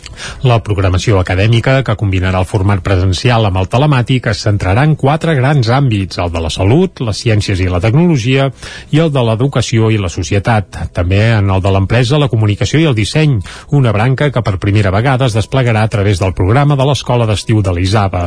El programa cultural també inclourà, entre d'altres, un concert de l'Orquestra Inclusiva, les exposicions d'Enric López i Josep Ricard i el Festival Nits de Cinema Oriental. Per primera vegada a Cardedeu, el jove projecte orquestral ha fet un assaig obert per tothom que volgués veure aquesta jove orquestra liderada pel barceloní Josep Maria Sauret. Ràdio Televisió Cardedeu, Núria Lázaro. El jove projecte orquestral liderat per Josep Maria Sauret va ser fundat el 2018 amb l'objectiu de reunir els joves talents que es troben al seu entorn. Més de 60 joves músics catalans d'entre 15 i 25 anys conformen aquest projecte global a nivell de Catalunya. En Josep Maria Sauret congrega el jove projecte orquestral a joves músics que han acabat els seus estudis de grau professional i altres talents que ja estan cursant els estudis superiors de música amb l'objectiu d'aconseguir una formació orquestral orquestral d'excel·lent nivell musical i gran talent Josep Maria Sauret. Els joves de Catalunya poden participar, és només cal que es posin en contacte amb l'orquestra i llavors doncs, mirem el nivell que tenen um, i, i doncs, la, la necessitat doncs, de, que tingui l'orquestra de, de, dels instruments, però, però en principi tothom està benvingut mentre um, això sí, tingui el nivell adequat en quant a, a instrument, però d'entrada nosaltres no fem ni proves d'accés, ni hi ha una quota, sinó senzillament el bonic d'aquesta orquestra, i em sembla molt, molt interessant, és que eh, encara que hi hagi un lideratge, entre ells també hi ha una comunió, hi ha una, un, un teixit, diguem, d'amistat, de, de, de, de, de les ganes de fer música, perquè ells viuen la música molt interiorment, i també aquest fa factor humà, humà de relació entre ells, i això el que, és realment el que fa la consistència d'aquesta orquestra. No? El seu primer concert va ser el 2019 i actualment, malgrat la pandèmia, l'orquestra ha estat preparant un repertori que al llarg de la primavera i l'estiu està representant pel territori català. De la mateixa manera comencen una promoció amb la que poder aconseguir més concerts per poder apropar al públic la música sinfònica d'aquests joves talents. Més qüestions. En marxa els treballs de substitució de la gespa artificial del camp de futbol de Caldes de Montbuí. Caral Campàs, zona codinenca. Després que el primer equip del club de futbol Caldes, que ja va certificar el seu ascens a primera catalana i va tancar la temporada de partits a casa aquest diumenge, ja està en marxa la substitució de la gespa del camp municipal de futbol. Està previst que les tasques acabin a final de juny. La gespa actual és del 2017 i requeria l'actuació o bé aquest any o l'any vinent. És per això que en les properes quatre setmanes es procedirà a substituir-la completament per una altra nova gespa d'última generació d'uns 45 mil·límetres d'alçada i feta amb fil combinat de polietilè. Paral·lelament també es duran a terme altres actuacions complementàries de millora a l'entorn del camp de futbol. S'elevaran els canons de rec, es renovarà part de l'equipament esportiu i les porteries de futbol i es construirà un nou sistema per canalitzar l'aigua i retenir els microplàstics. El pressupost d'aquestes obres és de 280.693,49 euros amb IVA inclòs. Aquesta instal·lació municipal l'utilitzen habitualment els equips del Club de Futbol Caldes i l'equip del rugby en touch del Centre Democràtic i Progressista. I encara en l'àmbit poliesportiu, la cursa de la cervesa de Sant Miquel de Balanyà no para de créixer. En la cinquena edició que es va disputar dissabte va batre un nou rècord de participants amb més de 1.200 corredors. El recorregut de 10 quilòmetres sortia i arribava a Sant Miquel de Balanyà, on hi ha la seu de Cervesa del Montseny, organitzadora de la prova amb la col·laboració d'Osoning i de la cursa Vall del Congost. El director de Cervesa del Montseny és Julià Vallès, a qui escoltem explicant les característiques de la cursa. Esperàvem mil i llargues de persones, són 1.200, 1.200 runners que venen a gaudir de la nostra cursa, dels 10 quilòmetres, una cursa curiosa, una cursa divertida, que ens ho vam venir a passar bé, però bueno, també tenim control de temps, vull dir que els concursants, els runners poden, poden posar-se a prova també. Amb aquestes temperatures altes suposo que veuran molta aigua, que s'ha de veure molta aigua, s'han d'hidratar, però també tenim això que, que la fa diferent, eh? que també es pot veure serveis als avitillaments. El triatleta Raúl Cejudo es va imposar en categoria masculina amb un temps de 37 minuts i 22 segons per davant de Dani Burdallo i Jordi Delgado. Escoltem a Raúl Cejudo. Bueno, al principi hem sortit bastant ràpid amb el segon i dic, hòstia, el tenia tota l'estona darrere, ell ha begut cervesa, s'ha de dir, m'ha facilitat la vida això, i després a partir del quilòmetre 6 doncs ja he anat tirant solet perquè bueno, em trobava valent i les baixades em donen prou bé i els plans bastant corredors. M'ha facilitat la vida, diu això, impressionant. Va. En categoria femenina, la més ràpida va ser l'atleta bigatana Anna Comet, que va fer els 10 quilòmetres en 42 minuts i 5 segons. Al podi la van acompanyar Ivet Figueres i Marc Portet. Escoltem a Anna Comet. Ara estic recuperant-me de Marató de Sables i busco carreres ràpides per trobar aquest ritme i fer-ho amb cansament. He vingut aquí, m'ha costat una mica agafar ritme, però després bé. Normalment no corro en curses populars, però quan a la comarca m'ho demanen, si puc per calendari, m'agrada molt recolzar-les. La matinal va acabar amb una botifarrada pels participants que van poder degustar, a més, totes les varietats de cervesa del Montseny i també van poder fer una visita a les instal·lacions de la fàbrica. I un últim punt esportiu, perquè Xavier Bonet guanya el Campionat de Catalunya de Hike and Fly de parapent disputat a Sant Joan de les Abadeses. Isaac Muntades, la veu de Sant Joan. Aquest passat cap de setmana, el cel de Sant Joan es va tornar a omplir de parapents amb la celebració d'una prova de la Lliga Espanyola i del Campionat de Catalunya de Hike and Fly que estava organitzada per la Federació Aèria Espanyola i la catalana conjuntament amb l'entitat Sant Joanina Vol Lliure Cavallera. El president de l'entitat, Xavier San Fulgencio, va explicar que les condicions aerològiques van ser dures pels participants, que van haver de caminar més que no pas volar pla per culpa de la calor, sobretot a partir del migdia. A més, va haver-hi un vent de ponent molt fort. Tot i això, la competició, que estava dividida en 3 dies, va anar força bé. En total van participar-hi 14 parapentistes, però només 9 van acabar la competició, una xifra superior a la desena que esperaven, i la gran majoria dels millors de Catalunya i també del País Basc i Madrid. El primer dia, el divendres, era un dels més durs, ja que havien d'anar fins al refugi del Corral Blanc al Collet de les Barraques, a Planoles, sortint des de Sant Joan. Sant Fulgencio explicava com es va desenvolupar la prova. Mira, primer dia que els feien pujar, eh, els limitàvem a que no poguessin començar a volar fins que pugessin al Taga, sortien de Sant Joan de les Abadeses. I d'allà podien volar si les condicions ho permetien i no ho anul·làvem nosaltres, però ja es veia que no arribarien ni de lluny al refugi del Collet, de les barraques d'una tirada. Tornaven a Ribes, i de Ribes havien de tornar a pujar. El que va fer la prova en primera posició aquell dia ho va fer en, dos, en dues hores i mitja. déu nhi perquè clar, de Sant Joan al Taga ja tens un, un bon tros. I el dia següent, que sortien del refugi, havien d'anar cap més o menys cap a la Cubil i de la Cubil cap a Sant Joan, va haver gent que va arribar, o sigui, van sortir del Pic d'Òrria, van arribar per sota de la Cubil, van haver de tornar a pujar i van haver de tornar a volar. Llavors, quan van aterrar, ja es van veure que estaven molt lluny i, i van abandonar. I diumenge, com que les condicions realment de vent eren molt, molt dolentes diumenge, vam avançar la sortida una hora, els van fer pujar fins al Puig Estela i havien de baixar directament cap a l'aterratge de Sant Joan, però feia tant de vent a dalt que ho vam anul·lar, que la meta era arribar a dalt. El guanyador de la competició va ser Xavi Bonet amb un total acumulat de 8 hores entre els 3 dies. A més, va ser el més ràpid divendres i dissabte, però diumenge va acabar tercer. Claret va ser segon amb un temps de 10 hores i 34 minuts i el Ripollès Jordi Vilalta tercer amb 11 hores i 15 minuts. Sant Fulgencio va apuntar que la prova va tenir un seguiment en línia força notori que serveix per promocionar la zona com un indret ideal per practicar el parapent. Doncs amb l'actualitat d'aquesta competició de parapent a Sant Joan de les Abadesses acabem aquest bloc informatiu que començàvem a les 9 en companyia de Jordi Sunyer, Isaac Muntades, Núria Lázaro i Caral Campàs. Moment d'anar a la previsió del temps.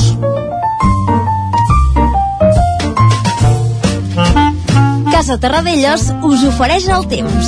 Una previsió que, com sempre, ens acosta en Pep Acosta, qui ja hem escoltat a primera hora del matí. Ara demanarem que ens ampli informació. Pep, salut de nou. Bon dia. Hola, molt bon dia a tothom. Bon dia, bon dia. Anem pel dia d'avui, ja ens sentem el dia d'avui, que hem començat força fresc, però amb, amb molta vari- variabilitat termo, uh, ter, amb molta vari- variabilitat uh, de temperatures. Cap al preditoral, mínimes entre els 13, eh, entre els 13 i i 15 graus, eh, temperatures fresques, però no molt tampoc, a l'interior, cap a Osona, Mollanès, temperatures mínimes inferiors als 10 graus, en unes poblacions 6-7 graus, temperatures fredes, i al Pirineu, a moltes poblacions, fins i tot per sota dels 5 graus, i alta muntanya entre el 0 i els 1, i el 1 grau. Hi ha una boira, hi ha alguns núvols cap al Pirineu, i també hi ha vent de nord, se sent el vent de nord, eh, farà sol, aquestes boires que hi ha ara, aquesta nuvolositat minvarà, i farà sol fins al migdia.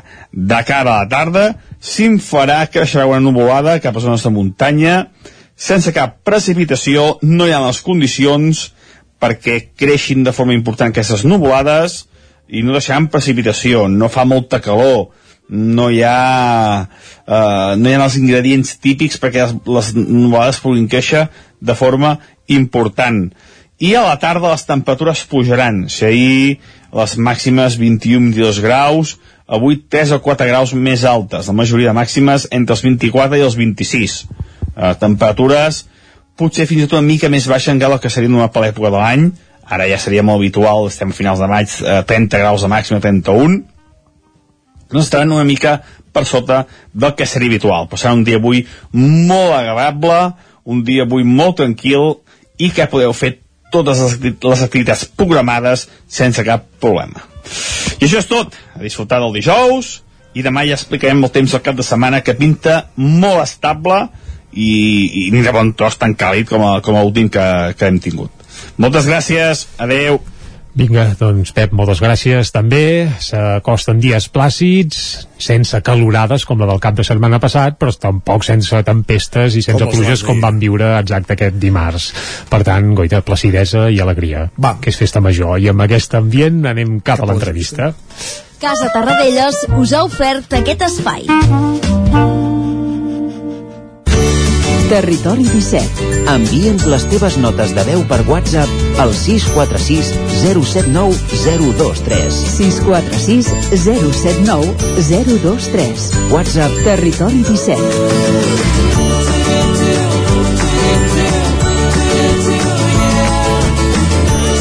Territori 17. Som a Facebook, Twitter i Instagram amb l'usuari Territori 17.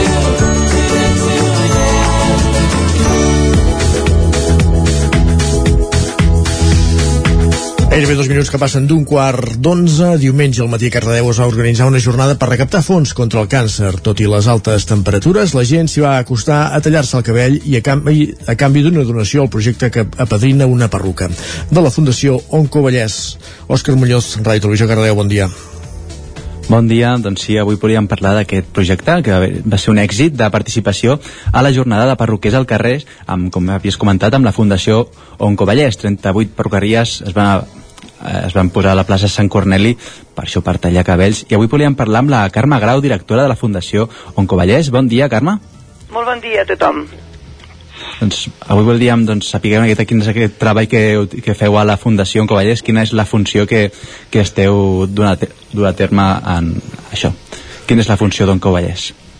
Bé, doncs molt bon dia, gràcies per poder donar-nos a veu, donar veu al nostre projecte. De fet, fa 20 anys que, que estem treballant a la Fundació per tot el Vallès Oriental i, bueno, i per tothom que ho necessiti. Bé, explicar-vos també que aquest projecte ha sigut un projecte doncs, mm, excepcional, molt, molt, molt, molt bonic per nosaltres, perquè nosaltres el vam començar, no et tallis un pèl, a padrint una perruca, fa dos anys, eh, amb els Mossos d'Esquadra i, un, i una escola de perruqueria de Granollers i ha crescut a tot arreu. O sigui, eh, dic a tot arreu perquè s'ha tallat la cua gent, fins i tot dels Est- d'Estats Units, que els han enviat aquí. O sigui, eh, ha sigut un projecte in, insòlid, d'aquells que dius vull que totes les persones que, degut a la quimioteràpia, els hi caigui el cabell, tinguin una perruca sense que els hi costi, sense que no hagin de pagar-la. I, bueno, i aquest projecte va començar, com us he dit, fa 4 anys, fa dos anys que ja el vam implementar i es va començar a donar perruca sense cost a tothom qui ho necessitava. I, bueno, i la sorpresa gran de Cardedeu ha sigut algo espectacular perquè un dia com el de diumenge, amb la temperatura que teníem, tot com anava, i no va parar de venir gent a tallar-se el cabell, no va parar de venir gent a veure'ns, a demanar-nos què fèiem, amb què ens podien ajudar, bueno, algo inaudit. Nosaltres estem molt i molt contents perquè la col·laboració ha sigut molta. Perruquers, bueno, perruqueries 38.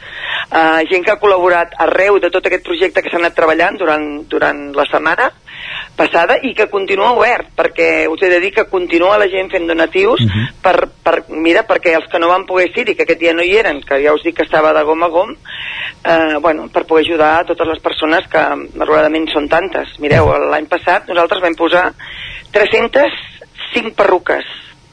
Aviat i, dit, tot, sí. i totes sense cost, això està dit molt, molt de pressa. Però això té un cost molt important i hi ha famílies que no se'l poden permetre i creiem que, que, no hi ha cap, que no quedi cap dona que digui, oita, necessito una perruca però és que no, no, no la puc tenir. I això anàvem a darrere, eh? feia molt de temps.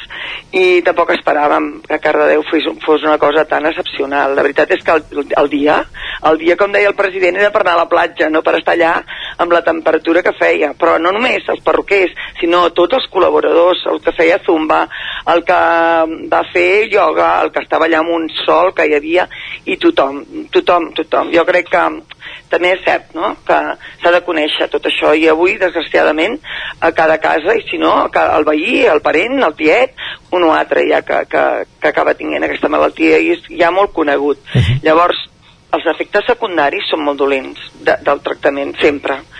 Ho són amb, amb tot. I una de les coses, la imatge de fet, un Covellers es va fundar aquests 20 anys enrere per la imatge. Jo, jo, jo estava treballant a l'hospital amb els cirurgians i, amb- i amb mama, amb cirurgia de mama, i bueno, vam dir, hem de buscar una manera de buscar alguna per imatge. I vam començar-lo a Granollers per imatge, o sigui, en un taller petit durant dos cops a la setmana, eh, dos infermeres, una jo i una altra meva companya de l'hospital, doncs podríem començar a explicar a la gent i què necessiten i veure com ho fem. I, bueno, al cap d'un mes ja es va obrir eh, una altra porta i al cap de dos mesos nosaltres, jo ja, en vez d'estar a l'hospital, pràcticament, eh, ja estava a la, funda, la fundació. O sigui, ja es va iniciar aquest projecte.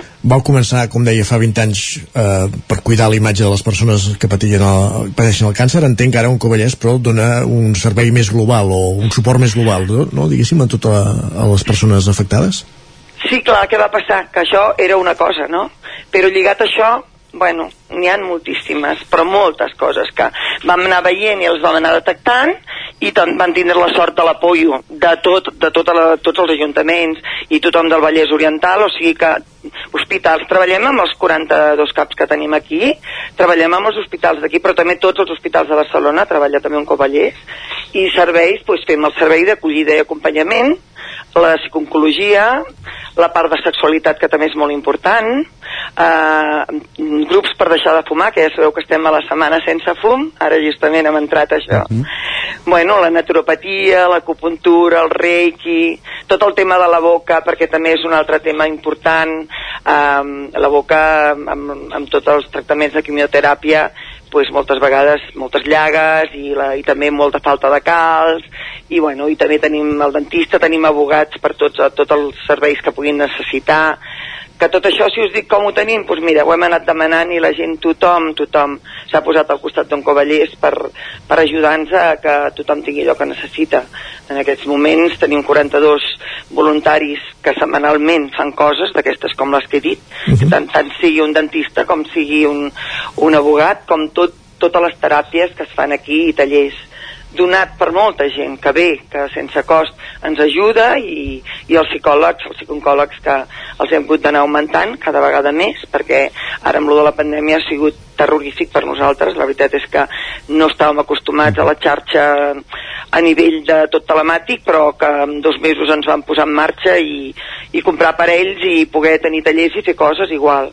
I els psicòlegs van treballar, els psicòlegs van treballar igual, vull dir eh, ha sigut una cosa amb un creixement que si ens ho haguessin dit potser no estaríem aquí perquè ara fa por pel sentit de que Déus en guard que no tiris. Hem passat dos anys que nosaltres no podíem anar al carrer i nosaltres els diners els hem recollit sempre amb l'esforç dels voluntaris uh -huh. I, durant, fa, i durant el 2020 hem atès a 1.340 famílies perquè no és el malalt sol és el malalt i el familiar Exacte.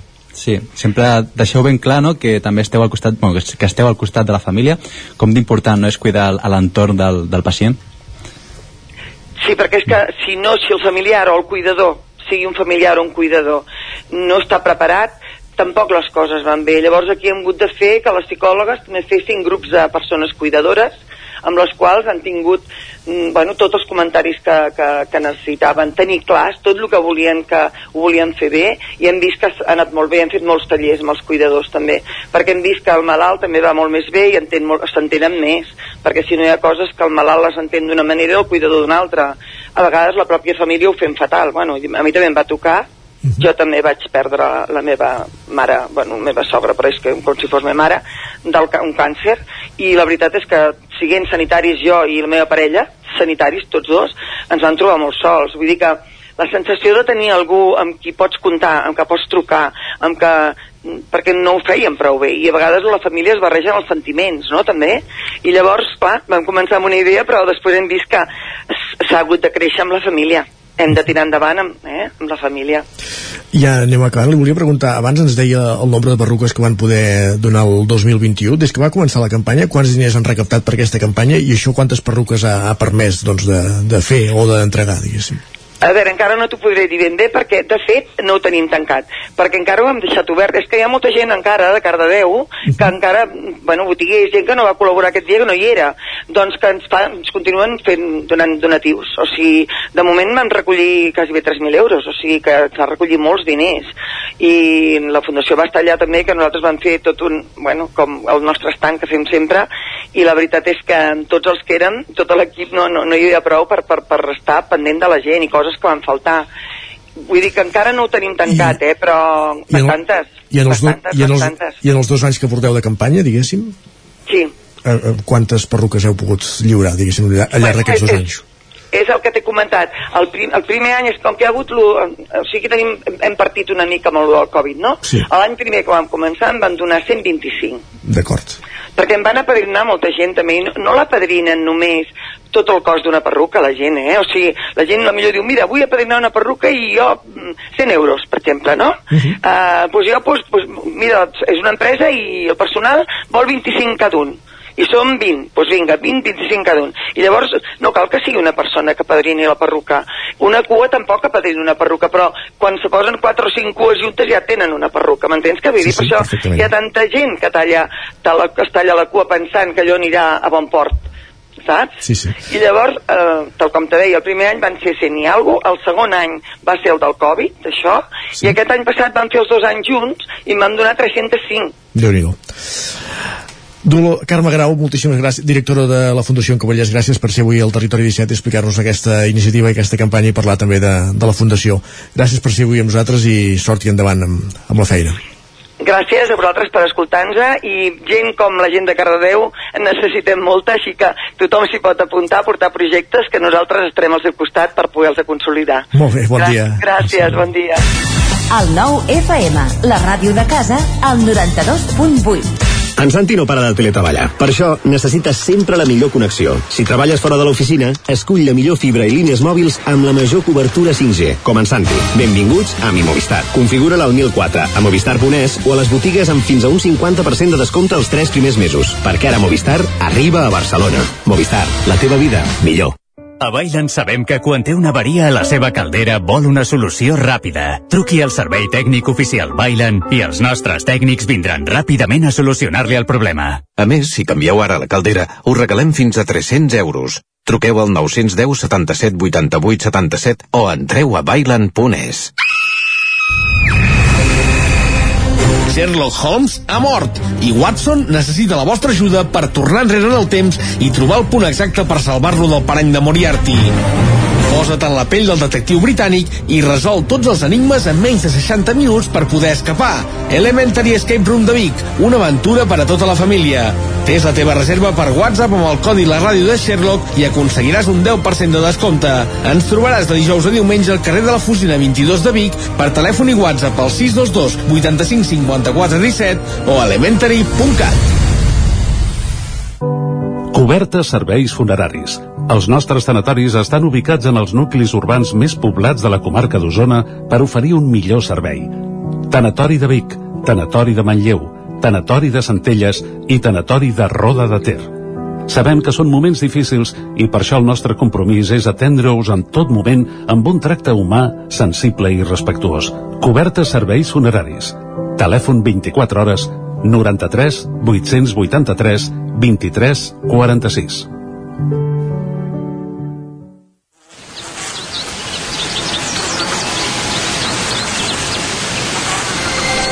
Coneix les herbes remeieres. Gaudeix de Vilanova de Sau. Trentena Fira d'Herbes Remeieres de Vilanova de Sau. Diumenge 5 de juny. Ajuntament de Vilanova de Sau. Cocodril Club. Si t'agrada la bona música dels anys 60, 70 i 80, escolta el 9 FM als matins de dissabtes i diumenges d'11 a 1. És el temps del Cocodril Club, tot un clàssic de la ràdio, amb les bases del pop-rock, les llegendes, les cançons que s'han convertit en autèntics himnes. Recorda, dissabtes i diumenges al matí, d'11 a 1, al 9 FM 92.8. Cocodril Club, el programa revival de l'Albert Malla. Hasta luego. El nou FM, la ràdio de casa, al 92.8. Ara mateix en punt, al territori de set, dos quarts d'onze.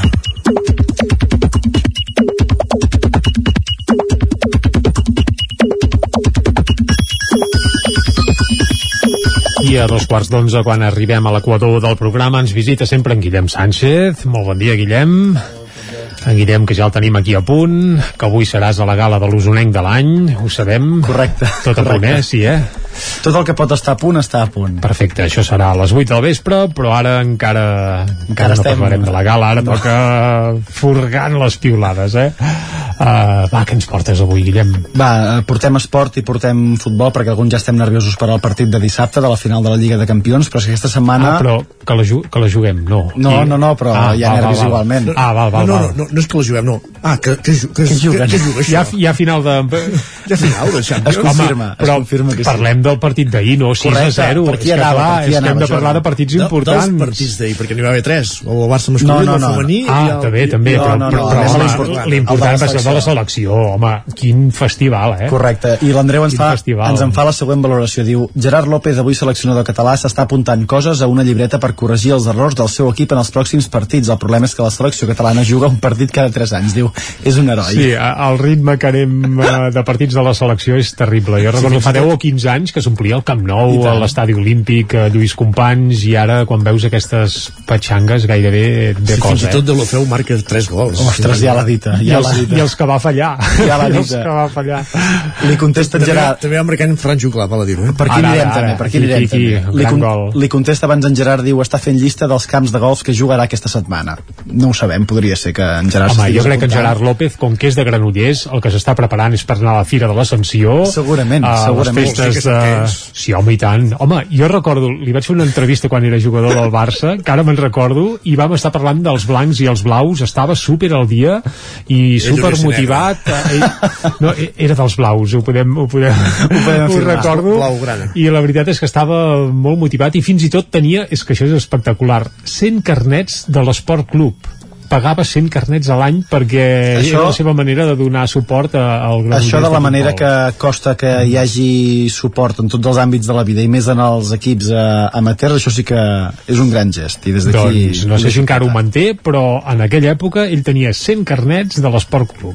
L'Antoni, després del partit d'ahir, per això té un dubte, ens escriu acabo de veure el partit i sense voler ofendre ningú. Voleu dir que el Barça no s'equivoca de Ferran? Diu, em refereixo a en juglar en lloc de l'altre. Bé, i a nosaltres aquest dubte el tenim resolt de seguida, ens quedaríem amb en juglar eh, de pet, eh? Només cal comptar quants gols ha fet un i I altre, tant. ja està. Bueno, i gols per minut, és que clar, això és l'altre tema. I en-. Ferran Torres fa un gol cada 500 minuts, en Juglat a l'enxufa cada 10 minuts. Tu. I en Marc també Eh. volia aprofitar el partit que va jugar... quins al- analistes que estem fets, Sí, eh? sí, sí, sí, això és una tertúlia esportiva com cal. sí, sí. En Marc volia aprofitar el partit que va jugar el primer equip masculí del Barça i Austràlia per un altre objectiu. Ens escrivia, diu, seria un bon moment per deixar-se uns quants jugadors del Barça a Austràlia. doncs mira, podria, Bé, podria ser. Fins i tot em venen noms al cap, però vaja. Per cert, que també va jugar a l'Arnau Tenes molt. Correcte, o va debutar en partit amistós, Barça. però... Porter va biguetà, i tant que sí. Va, què és la felicitat per vosaltres? Un 6 a 0 Un 6 contra a 0. Jamaica. Per l'Àlex és una altra cosa. Diu, felicitat és trobar una copisteria que t'imprimeixi i en- t'enquaderni 175 pàgines de punts per poc més de 3 euros. Carai. Ostres, doncs eh, No és un preu molt és, eh? raonable. No doncs ens ha dit quina estaria és, bé però- que ens la passés, eh? Deixa'm dir que la felicitat seria un 6 a 0 contra Jamaica en partit oficial. Oficial. Per això, eh? Uh, Apuntem-ho. Va. Va, i un altre usuari també ha I podem descobert... celebrar junts el vestidor d'ells després, no? També. Per exemple. Ui, ui, ui, ui. Que Va, dolent. hi ha un altre usuari que també ha descobert què és la felicitat per ell. Diu, estic a l'atur i la sensació és gairebé la mateixa que està enamorat. Avui he rigut sol pel carrer Ara, sense clar. motiu. És molt bèstia. No penso treballar mai més. Doncs. Ostres, bé, doncs, goita, almenys durant dos anys, si és que havia cotitzat prou, doncs eh, que vagi rient i vagi fent, sí, sí. Va, i una reflexió d'en Marc, no sé si esteu d'acord, ens escriu un dia podem parlar de lo bé que em sembla, no irònicament, que porteu pixapins a fer banys de bosc i els estafeu 20 euros per abraçar un pollancre. Diu, sou uns genis. És que si s'embolica bé, eh, hi han coses que, escolta... Heus aquí el pollancre. Clar, el tema és embo- això, vendre-ho bé. Espècie invasora que provoca un cotó fluix que vola per la...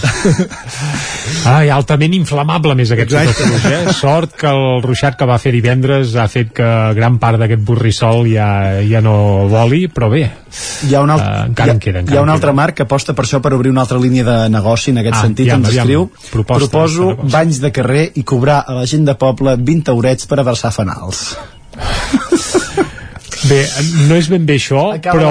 Jordi, no? ah, no, no, no, no, anava a dir que això de l'impost... Jo Eh... tenia un professor que deia que vigiléssim amb tocar fanals, que sempre hi podia haver una descàrrega elèctrica, i sempre ser molt respectuós amb la cosa, des de aleshores.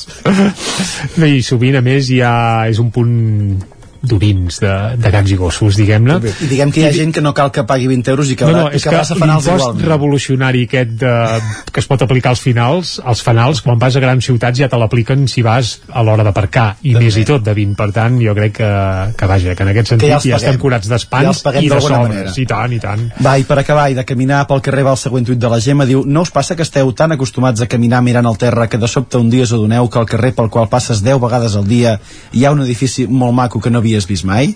Diu, a mi sí. Jo crec que això li passa a la gent que va pel carrer badant amb el mòbil, Ah, també. ho estic, Si en canvi anem badant mirant l'entorn, això potser no passaria tant. Edificis fanals o pollancres, el que us vingui de gust, però amb el, amb el cap amunt. Va, badem, que això sí que aporta felicitat. Badar és bonic. Badar és molt maco. Doncs va, Guillem, bada fort, eh? Vinga. Vinga, i ara abans d'anar cap a la taula de redacció fem un cop d'ull a les portades del 99.cat. Comencem avui al Vallès Oriental, on estan bé de festa, i és que la Fira de l'Ascensió es renova després de dos anys de parèntesi per la Covid. Això apareix a la portada. I també diversitat d'opinions a aigua freda sobre continuar al Vallès Oriental o marxar a Osona. Estem en terra de ningú, diu una de les encastades, i recordem que, bé, que la consulta, anava a dir el referèndum, no, no se'n pot dir referèndum, la consulta es farà aquest diumenge a Aigua Freda, el resultat no se sabrà fins dimarts, però bé, aquest diumenge Aigua Freda decidirà de nou si es manté el Vallès Oriental o passa a formar part d'Osona. També, per cert, al Vallès Oriental, al 99.cat, hi apareix que quatre detinguts a Sant Fost després de robar a cotxes aparcats en un restaurant de Santa Eulàlia. I anem ràpidament a fer un cop d'ull a l'edició d'Osona i el Ripollès del 99.cat, que ara mateix obre explicant quines són les millors llonganisses de Catalunya. I es veu que són les de Can Cerilles de Manlleu i les de Can Vilada de Vic. I això no ho diem nosaltres, no, no, sinó que ho diu... alerta, alerta, però és la Ah. categoria plana de Vic, eh? Ah, sí, sí, també cal dir-ho. Però, bueno, però s'hi podia apuntar gent que no fos de la plana de Vic. Sí, I podien Hi ha participar... categories, però aquestes són les de la sí, categoria plana en la categoria plana de Vic. Sí, això cal dir-ho. Però bé, això el titular no hi és, això cal anar a la lletra petita, però vaja, està bé, està bé fer aquest, aquest apunt. Eh? També el mercat laboral s'estabilitza a Osona amb 72.000 afiliats a la Seguretat Social i uns 7.000 aturats i a la Generalitat multiplica per 4 els ajuts a l'esport femení per afavorir la igualtat d'oportunitats. Tot això al 99.cat ara mateix. De fet, de les llonganisses premiades en parlem a la taula de redacció, que comença tot seguit.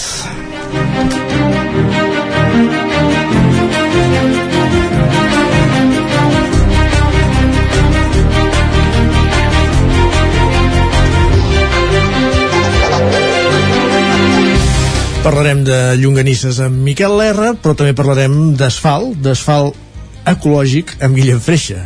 Bon dia, com s'interpreta això? Molt bon, ecològic. molt bon dia. Doncs eh, és un eh, projecte que impulsa la Generalitat de Catalunya per millorar el ferm de la xarxa viària catalana utilitzant materials més sostenibles, com bé deies, i la pregunta és això com, com s'explica, eh? perquè tots estem avasats a veure aquestes imatges de quan hi ha eh, asfaltatges a la carretera, amb les grans maquinàries, amb l'asfalt eh, posant-se al, al terra i aquella fumera que eh, sempre genera eh, expectació i penses, hosti, això és un material eh, força contaminant, a més amb aquella olor, doncs la imatge eh, de l'asfaltatge que es farà eh, o que ja ha començat a fer-se a la carretera N141C, que és la que va de Malla a Tona, per entendre'ns, des de la rotonda on hi ha l'hipermercat Esclat, eh, per ubicar-nos ràpidament al costat de la C-17, fins al trencant d'aquesta carretera que baixa cap a, a Tona. És un... Per entendre's, la carretera de Collsospina fins Sí, al trencant de, de, de. Malla fins al trencant de Tona. Exacte, sí, de Malla fins a, a Tona.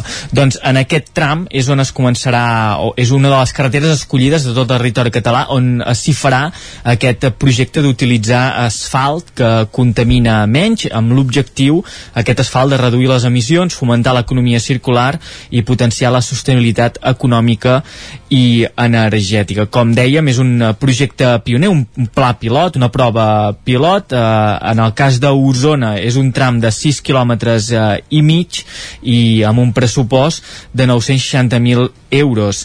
Eh, com dèiem, eh, tot, i que la, tot i que la imatge de l'asfaltatge doncs, serà l'habitual, la que es pot produir en qualsevol carretera que estigui patint aquest procés de, de resfaltatge, eh, la clau o la diferència estan, es, serà en el ferm que s'hi estendrà.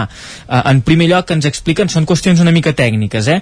però que la, la temperatura de fabricació serà eh, diferent, s'utilitzaran mescles en, fe, en fred i també es farà diferent el transport i la manera com s'aplica en aquesta eh, calçada. Tot plegat ha de permetre reduir les emissions i també el consum energètic de tot aquest procés, el de produir el ferm, el de transportar-lo i el d'estendre'l en la calçada.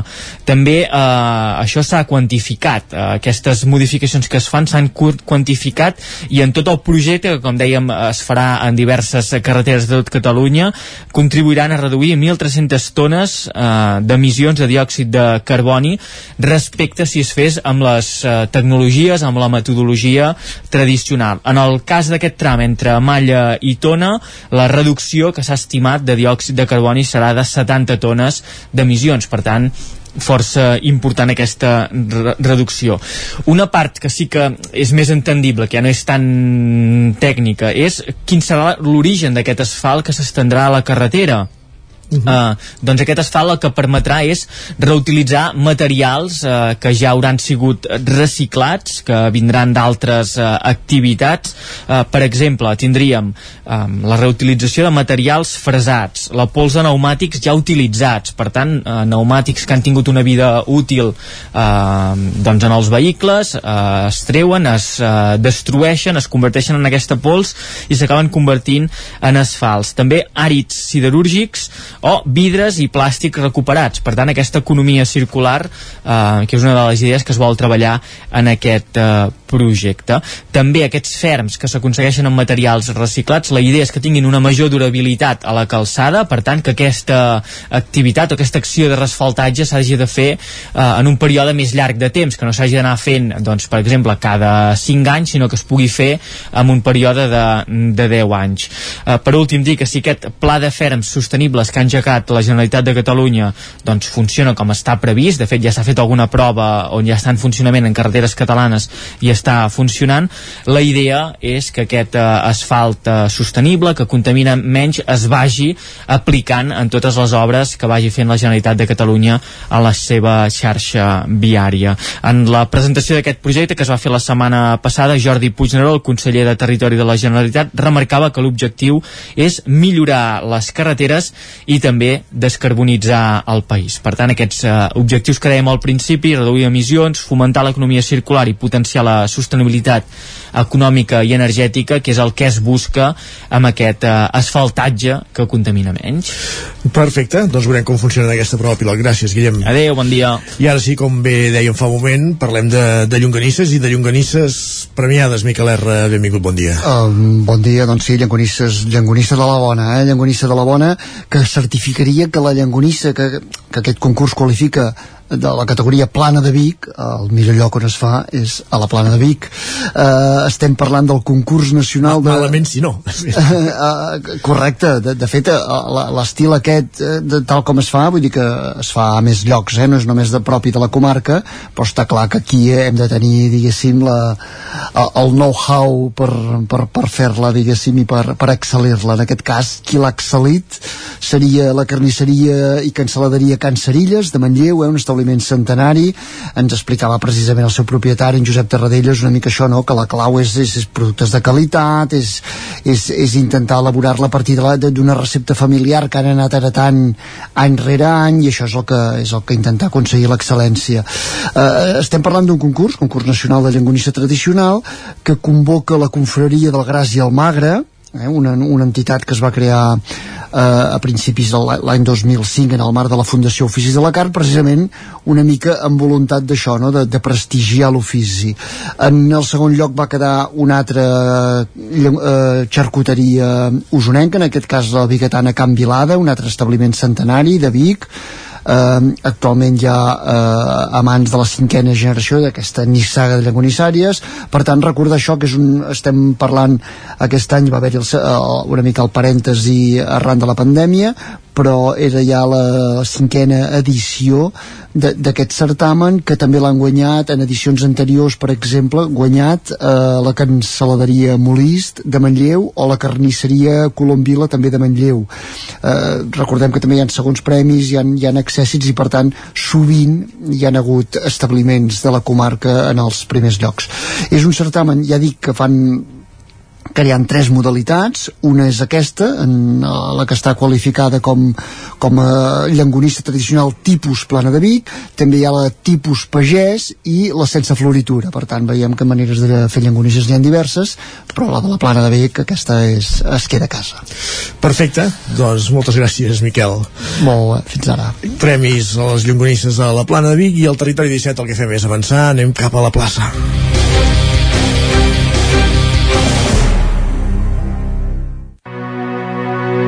Territori 17 El 9 FM, la veu de Sant Joan, Ona Codinenca, Ràdio Cardedeu, Territori 17.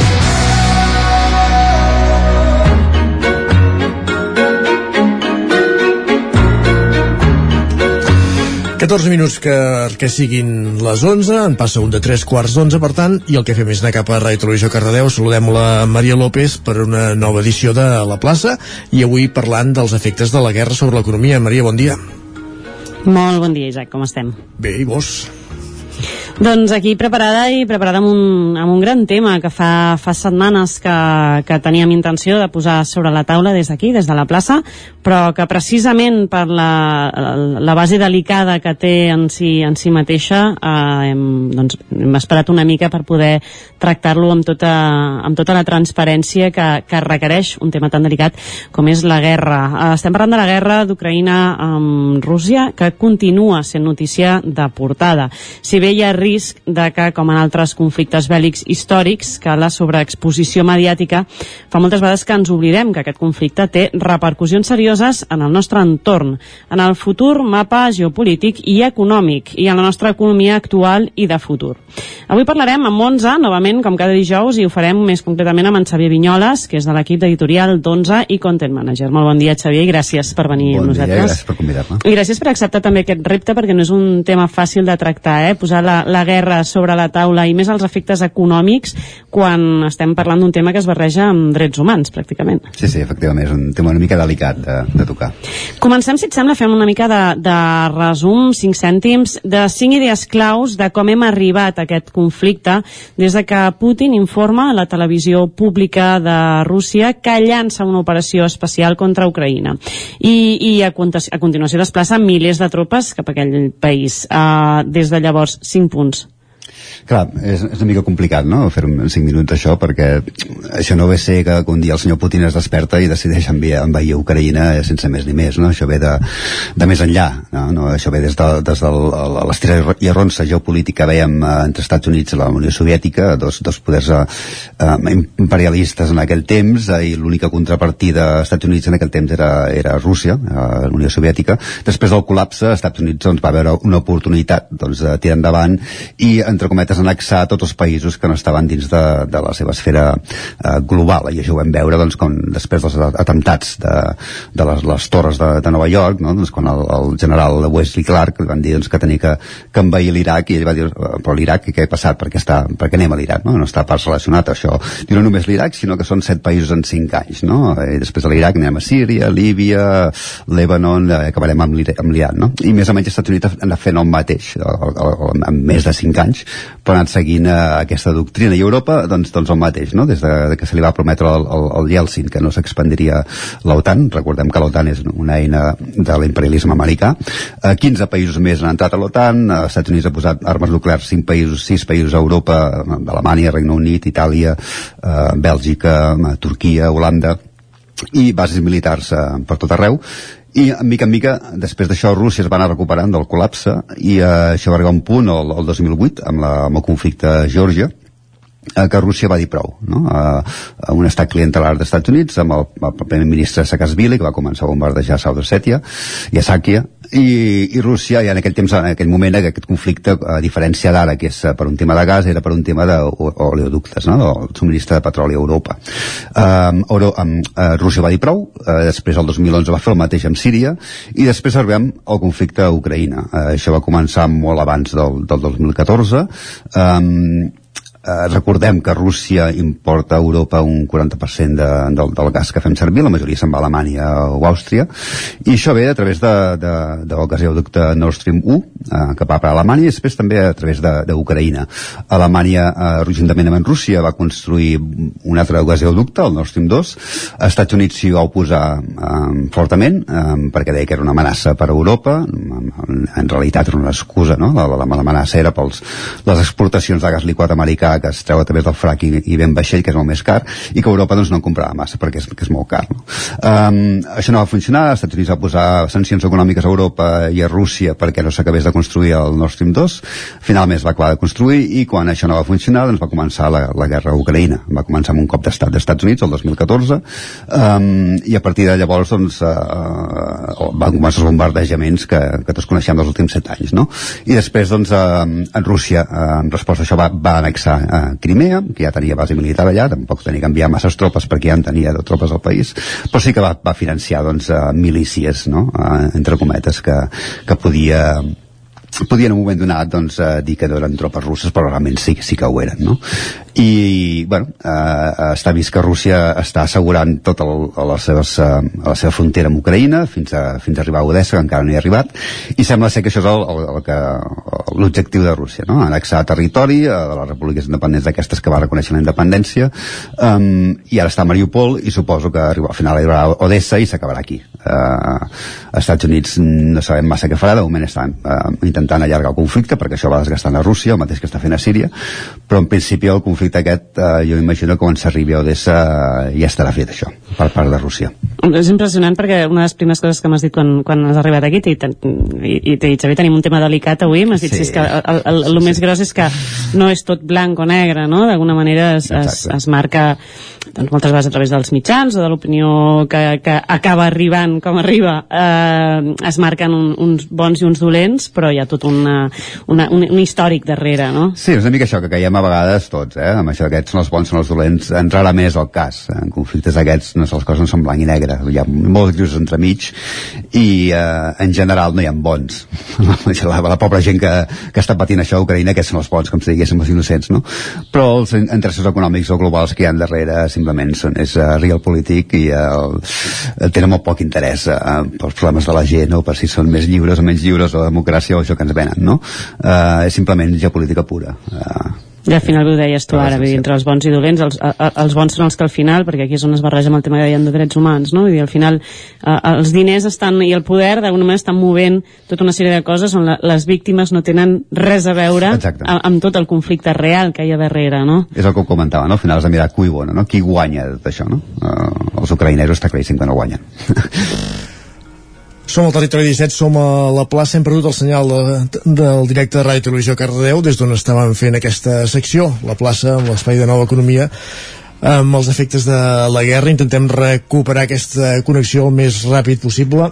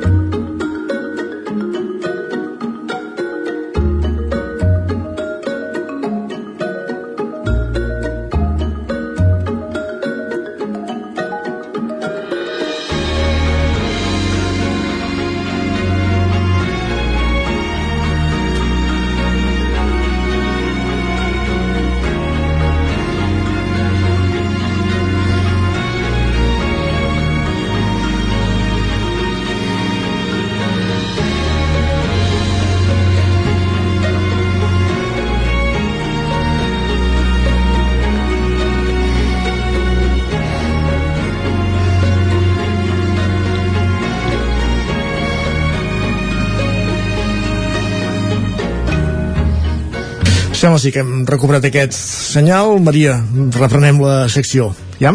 Ens, ens sentim? Reprenem, reprenem Ah, sí, la, la secció, sí. Uh, doncs uh, just parlava, just li preguntava en, en Xavier Vinyola si uh, d'alguna manera després d'haver fet aquests 5 cèntims aquesta posada en situació de, dels motius d'aquesta guerra entre Ucraïna i Rússia uh, tornàvem al moment en què tot això esclata i d'alguna manera la població des d'aquí el, que, el que detecta de manera immediata en, en termes de- d'economia de, del dia a dia és aquesta pujada de la, de la benzina però des del desconeixement de com funciona aquest engranatge uh, quins són la, els efectes immediats sobre la nostra economia d'una guerra com aquesta?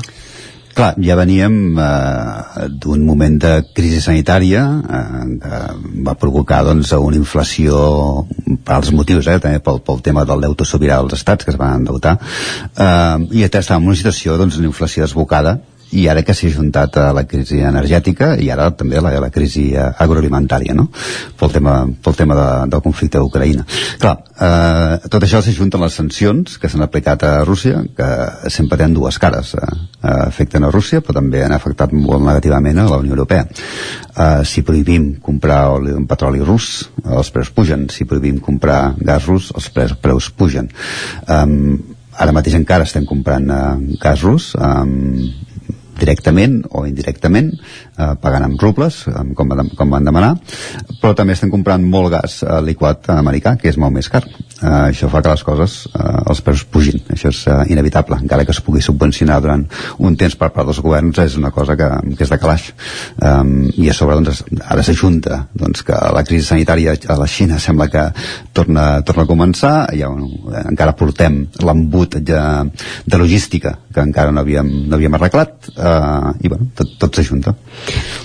Potser la benzina és el que hem notat més de, de manera evident, no? Perquè és d'un dia per l'altre, no? Vas i dius, "Host, què ha passat aquí, no?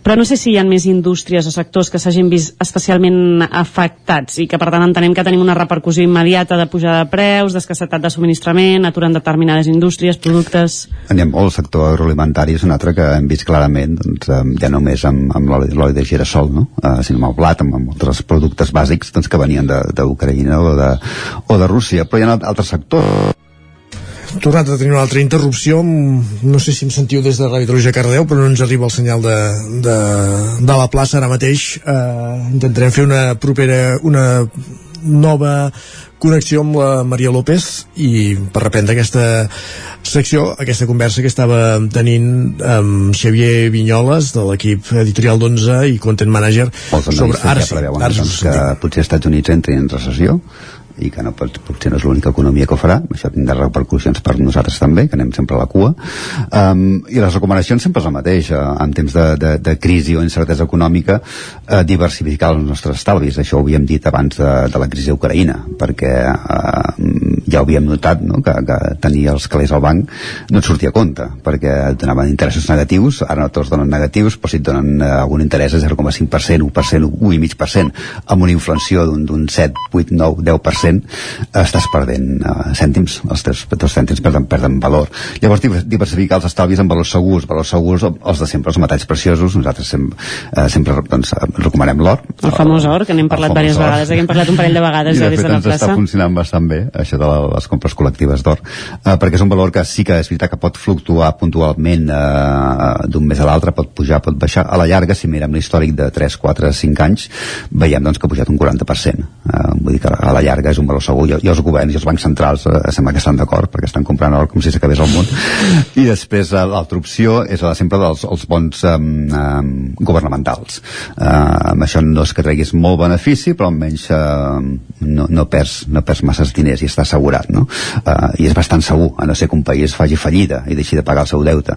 Eh, però bueno, si tens bons govern- governamentals d'un país com Alemanya o com els Estats Units en principi això és bastant impossible. I si passés això, això seria un dels petits problemes que tindries, en tindries molt més, a, molt més a greus, no? Però sí, bàsicament és uh, diversificar els estalvis i uh, invertir en un valor segur com l'or o bons governamentals. Jo quasi que et demanava ara fes que fes una mica com la bola del futur, no? Però sí, això, la incertesa econòmica, quin període ens espera d'incertesa econòmica? Um, per lo que estan dient els experts, en principi uh, 2023 pot ser que peti. O sigui que, que no, anem a, no anem a millor. Doncs preparem-nos... Els, estan, els, els estats estan pujant els tipus d'interès, el preu del diner, eh, per evitar doncs, eh, que la inflació pugi tant, però està per veure si això funcionarà o si ho hem fet massa tard o, o si això doncs petarà igualment. Uh, ningú sap uh, evidentment tothom fa previsions i al final algú, doncs, quan, quan passi algú dirà jo, jo tenia raó, no? perquè si vas dient de tot al final algú, Sí, al final algú un dia l'encertes, no? no? És com, com un rellotge que no funciona, no? Dos cops al dia diu l'hora correcta. doncs això és el mateix. No?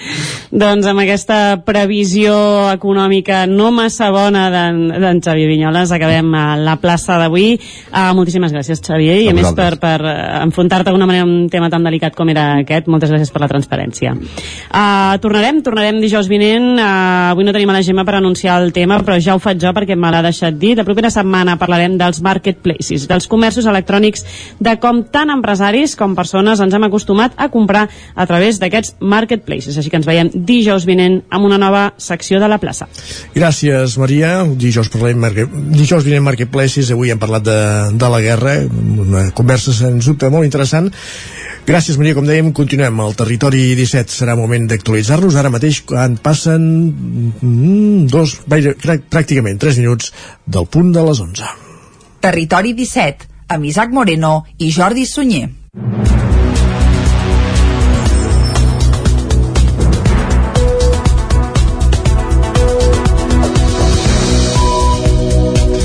Doncs en la línia del que ens explicaven ara des de la plaça, l'abastiment de cereal està garantit als països que poden pagar-lo. És una de les principals conclusions de les ponències que el president de la Llo- Llotja de Cereals de Barcelona, José Luis Esteban, i Ramon Nadal, president de Riera Roura, van fer dimarts a Vic. La seva xerrada formava part de l'acte de lliurament del Premi Especial Osona, que reconeix les bones pràctiques en el sector porcí i que va guardonar una granja de Torelló, dues del Solsonès i una de la Noia. Guillem Sánchez. La granja, la granja JR de Torelló va rebre el Premi Especial Osona Banc Sabadell 2022 en la categoria de transició en el lliurament de la vuitena edició dels guardons que es va fer dimarts a Vic. Els premis d'engreix i de reproductores van ser per dues explotacions del Solsonès, Cuins de Pinell de Solsonès i Torre de Cardener de Clariana de, Car de Cardener. El reconeixement al territori convidat, que en aquesta ocasió era la comarca de la Noia, se'l va endur la granja Mas de Jorba.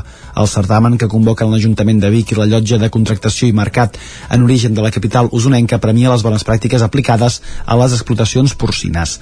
Abans de l'entrega del Premi Especial Os- Osona, el president de la llotja de cereals de Barcelona, José Luis Esteban, i Ramon Nadal, president de Riera Roura, van exposar la seva visió de la situació actual del sector cere- cere- cerealístic, afectat per la guerra d'Ucraïna. Aquest país és el sisè del món en exportació de blat de moro i el principal productor de girassol. En la conversa, Esteban i Nadal deien que el conflicte bèl·lic ha aguditzat la tendència a l'alça que ja hi havia dels preus del cereal, però també es mostraven convençuts que, tot i que caldrà pagar-lo més car, aquí no s'arribarà a una situació de desabastiment. José Luis Esteban és el president de la llotja de cereals de Barcelona. Som un sector prou dinàmic, prou curós per eh, buscar-nos la vida i, i des de l'1 mm, ho estem fent, estem important de Brasil, estem important dels Estats Units, importarem si convé de Sud-àfrica, etc. i d'alguna manera patir per abasteixement, no. Des que va començar la guerra, el preu del blat de moro a la llotja de Barcelona ha crescut un 31%. D'aquest cereal, l'estat espanyol n'importa 9 milions de tones anuals. Nadal també va explicar que a les properes dècades el PIB de la Xina i l'Índia sobrepassarà el dels Estats Units. Això, deia, es traduirà en un major benestar de la població d'aquests dos països i en possibles canvis en la seva alimentació que faran incrementar el consum i la demanda de cereals. El cardiòleg biguetà Antoni Vallès serà l'homenatjat de la 27a edició de la Universitat d'Estiu que la Universitat de Vic porta a terme entre els mesos de maig i setembre per arribar a públics de totes les edats i amb interessos diversos. Inclou una vintena de formacions acadèmiques i una quinzena de propostes culturals. En plena celebració dels 25 anys de la Universitat de Vic, aquest dimarts el rectorat s'hi presentava la 27a edició de la Universitat d'Estiu, una proposta que es desplegarà de maig a setembre i que inclourà una quarantena de propostes acadèmiques i culturals. Un dels plats forts de l'edició serà l'acte inaugural que se celebrarà el dia 1 de juny a la sala de la columna, un homenatge que enguany la Universitat re- retrà al cardiòleg biguetà Antoni Vallès. Ho avançava Josep Aladi Baños, rector de la Universitat de Vic, Universitat Central de Catalunya. Doctor Vallès és dels pocs usonencs eh, de l'àmbit de la medicina que ha donat el seu nom a una malaltia. Eh? Hi ha una malaltia reconeguda internacionalment que és la síndrome de Vallès, que es tracta d'una arrítmia de les aurícules eh, que poden donar problemes a les persones que ho tenen amb eh, possibilitats d'ictus, etc. I això ha tingut un reconeixement internacional de manera que aquesta malaltia se la coneix amb el seu nom. L'homenatge al doctor Vallès obrirà el meló d'un programa pensat no només per la comunitat universitària, sinó per a professionals de tots els sectors amb interessos diversos. Jo Josep Aladi Banyos. És important tenir aquesta universitat d'estiu, amb el bagatge que té la doncs perquè creiem de que la formació universitària ha d'arribar més enllà dels propis estudiants universitaris, sobretot professionals amb actiu, que requereixen coneixements específics i actualitzats, però també, sense deixar-los de costat, els estudiants universitaris de la nostra o d'altres universitats que volen ampliar les seves experteses durant aquest període eh, teòricament eh, vacacional. La programació acadèmica que combinarà el format presencial amb el telemàtic se centrarà en quatre grans àmbits, el de la salut, el de les ciències i la tecnologia i el de l'educació i la societat, també en el de l'empresa, la comunicació i el disseny, una branca que per primera vegada es desplegarà a través del programa de l'Escola d'Estiu de l'Isaba. El programa cultural també inclourà, entre d'altres, un concert de l'Orquestra Inclusiva, les exposicions d'Enric López i Josep Ricard i el Festival Nits de Cinema Oriental. Més qüestions, anem cap al Vallès Oriental perquè l'Ajuntament de Caldes de Montbui ha rebut un guardó que reconeix la transformació digital d'aquesta administració, Caral Campàs, ona codinenca. L'Ajuntament de Caldes de Montbui ha estat guardonat amb un dels reconeixements Administració Oberta 2021 com una de les administracions capdavanteres a Catalunya en la transformació digital i el govern obert en la seva relació amb la ciutadania i en la seva gestió interna.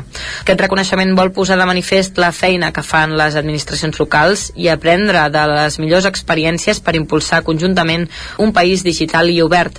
L'Administració Oberta de Catalunya es basa en una metodologia pròpia per analitzar amb rigor i a partir de dades objectives més de 30 indicadors pels 947 ajuntaments i 41 consells comarcals. Els reconeixements Administració Oberta s'entreguen anualment i reconeixen els ajuntaments amb més maduresa digital en set categories en funció del nombre d'habitants i la tipologia d'administració. Enguany han sigut guardonats 81 ens locals catalans. L'acte de lliurament de la setena edició d'aquests reconeixements va tenir lloc el dia 3 de maig a Llinars del Vallès, coincidint també amb el dia en què es va fer públic el segrest dels servidors de l'Ajuntament de Caldes que va obligar a aturar les tramitacions telemàtiques i altres funcions del consistori calderí. Més qüestions, més actualitat d'ajuntaments, perquè la campanya sobre equitat menstrual de l'Ajuntament de Cardedeu ha estat inclosa en el banc de bones pràctiques com a exemple d'experiència innovadora de govern i de gestió municipal. Núria Lázaro, Ràdio Televisió, Cardedeu. La campanya de l'Ajuntament de Cardedeu sobre equitat menstrual de la pobresa menstrual a l'empoderament ha estat inclosa en el banc de bones pràctiques dels governs locals per ser una iniciativa innovadora de govern i de gestió municipal. El banc de bones pràctiques és una iniciativa impulsada per la Fundació Pi Sunyer i la Federació de Municipis de Catalunya que busca recollir i difondre aquelles experiències que poden servir de referència i d'exemple per a d'altres organismes i institucions. La campanya de la pobresa menstrual a l'empoderament, iniciada a finals de 2021, s'articula a través de quatre eixos, salut, economia, sostenibilitat i educació, i es concreten en aquestes iniciatives. El repartiment de productes d'higiene menstrual a l'alumnat dels instituts municipals, la creació d'un banc de productes d'higiene menstrual a disposició de persones vulnerables, la facilitació de punts salubres per al maneig de la regla en equipaments municipals, la formació sobre salut sexual i reproductiva, la campanya comunicativa per trencar tabús i la creació del web www.equitatmenstrual.cardedeu.cat. I més qüestions cap al Ripollès perquè Ripoll estrenarà el Rastot, Rastrotapa, un mercat que es farà dijous a la tarda per complementar la ruta de la tapa en el marc del Carnaval.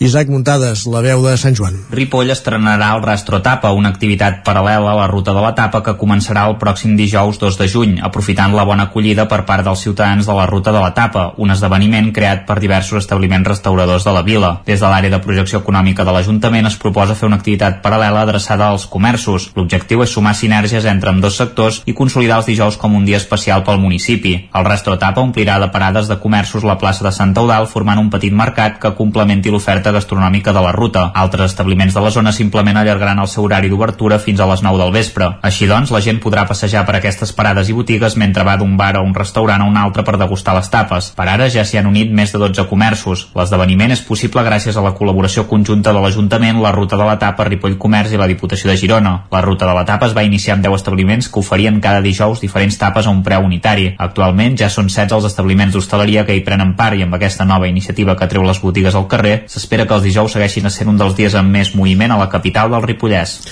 I tornem a Osona perquè l'oboista biguetana Cèlia Tor serà l'artista resident del cicle Clàssica Jove 2022. La figura de Johann Sebastian Bach serà el fil conductor de la proposta que torna a la capital osonenca amb l'objectiu de visibilitzar les noves generacions de músics i crear nous públics. El programa arrencarà el 12 de juny i s'allargarà fins al 22 de juliol.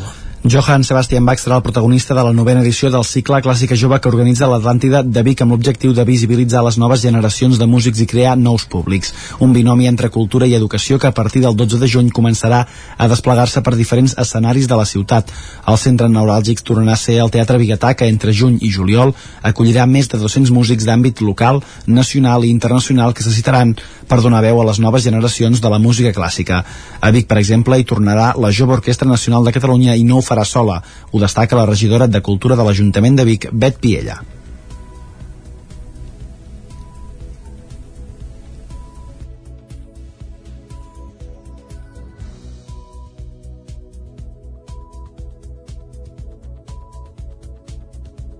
I el que podríem dir de, de la relació que tenim amb la Jove Orquestra Nacional és que aquest any tenim una novetat que és que faran un estatge compartit la Jove Orquestra Nacional de Catalunya i el Cor Jove Nacional de Catalunya. Faran un estatge i això és la primera vegada que, que es fa, diria.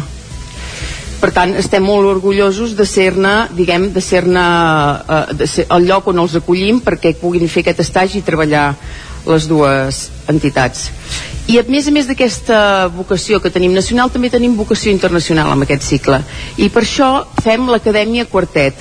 Es tracta de tenir durant una setmana estudiants d'arreu El cicle començarà amb el concert a l'Atlàntida de la Barcelona Academy. Lluís Vilamajor i Ton Koopman, experts en l'obra de Bach, mostraran a noves generacions de músics que suposa formar part d'un cor de cambra. Els detalls d'aquest concert els explica Montse Catllà, directora general de la Fundació L'Atlàntida. És una producció amb pràcticament 20 cantants a l'escenari, eh, 8 músics instrumentistes, música de Bach, música de- d'aquest coetani Buxtehude i eh, capitanejat per Lluís Vilamajor, que a més a més, eh, a part d'en Lluís Vilamajor, amb aquests nanos, o aquests joves, vaja, hi hauran treballat també el Top Common, tant en Lluís Vilamajor com, com el Top Common són eh, referents de la música antiga, especialistes també en Bach, L'oboista biguetana Cèlia Tor, que va ser a la roda de premsa del cicle via telemàtica, serà l'artista resident de l'edició. La seva estada a la capital culminarà amb un diàleg entre oboè i violí que Tor compartirà amb la violinista coreana Wang Rucheng amb, un- en, amb un concert itinerant per quatre paisatges sonors de Vic. La programació del cicle Clàssica Jove s'allargarà fins al dia 22 de juliol.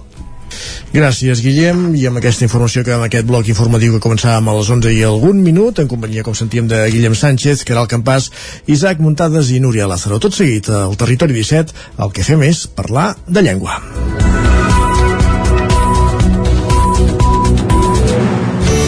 Territori 17. Envia'ns les teves notes de veu per WhatsApp al 646 079 023. 646 079 023. WhatsApp Territori 17.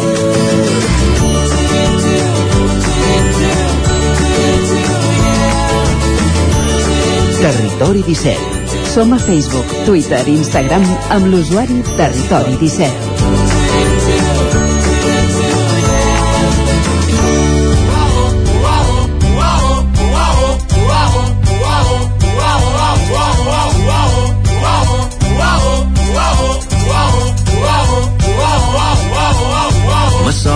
Paraules, agulla, fil de cosir, tisores, estufa, me sobren paraules, vermut, patates, olives, paraules molt curtes, fi... Doncs de paraules de llengua en parlem cada 15 dies els dijous al Territori 17 en companyia de la Cristina Enfruns. Aquí ja saludem. Cristina, benvinguda, bon dia. Bon dia. Avui de què toca parlar? Ah, doncs avui dedicarem la secció a parlar d'aquesta malaltia que ha sortit les últimes setmanes, Ah, la verola del la mico. verola del mico. Molt bé.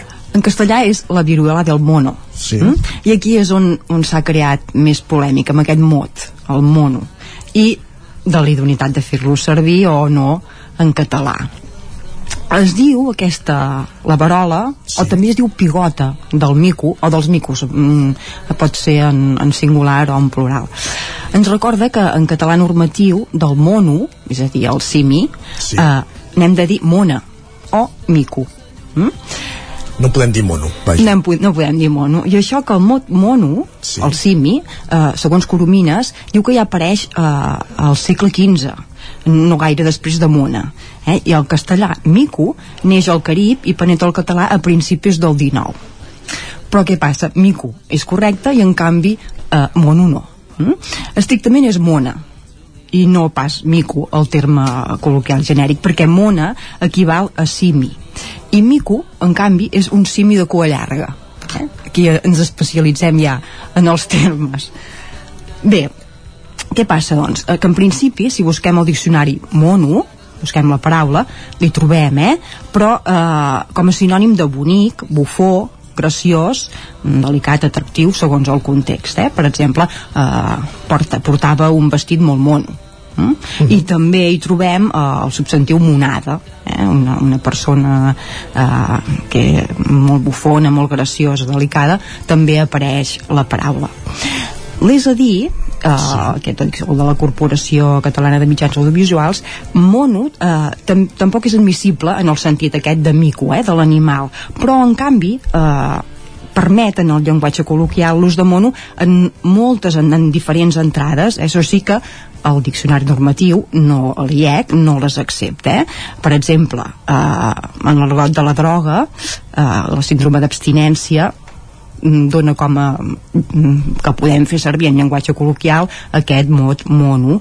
O també per extensió mm, una, aquesta necessitat o ànsia refrenava d'alguna cosa per exemple, només fa 10 dies que s'ha acabat la lliga i ja tenim mono de futbol. Sí, o també habitual aquest, sí.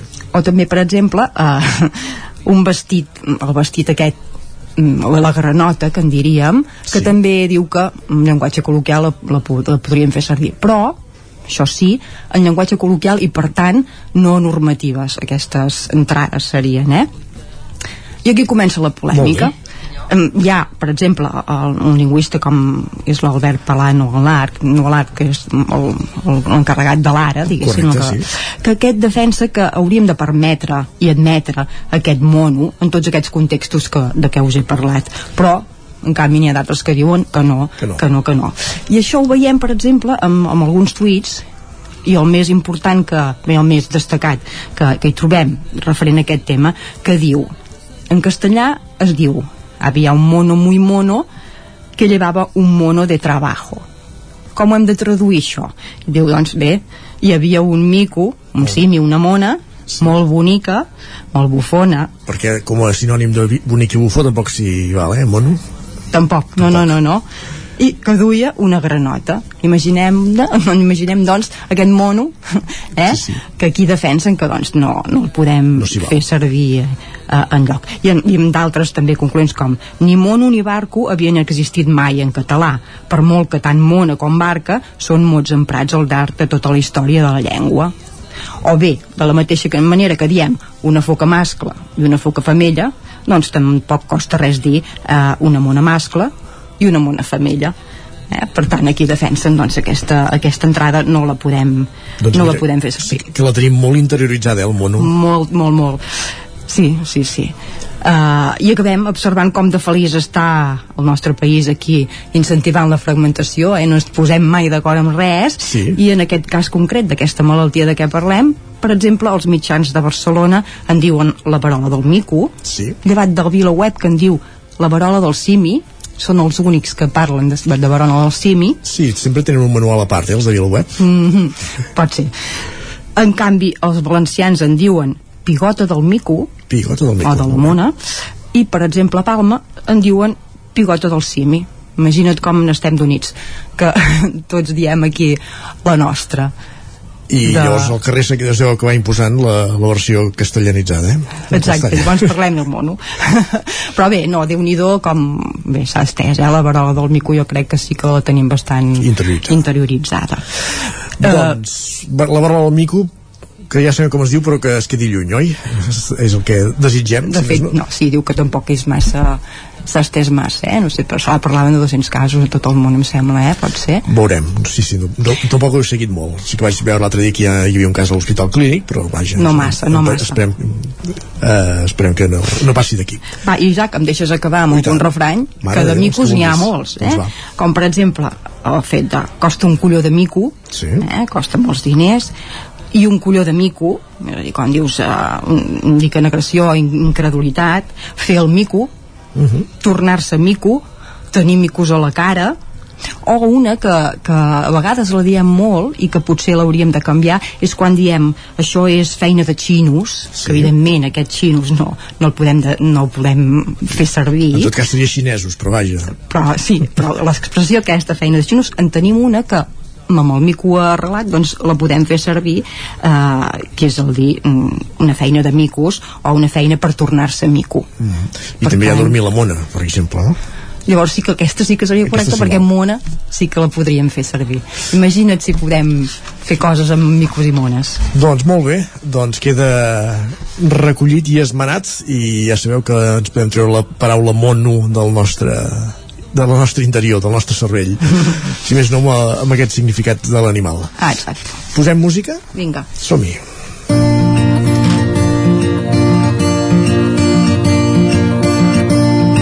Només quedaves tu, la plaça estava buida, el sol seguia encès, però ja no era de dia. Buscava algun petó que fes que no marxessis, que egoista sóc, només volia que et quedessis. Tu a Menorca i jo a l'escala, però ens banyem al mateix mar. Deixo que l'aigua salada m'acaroni si no estàs quan t'esperi a la tornada m'hauràs de venir a buscar jo vull les coses clares no vull haver de pensar si el temps t'explica tot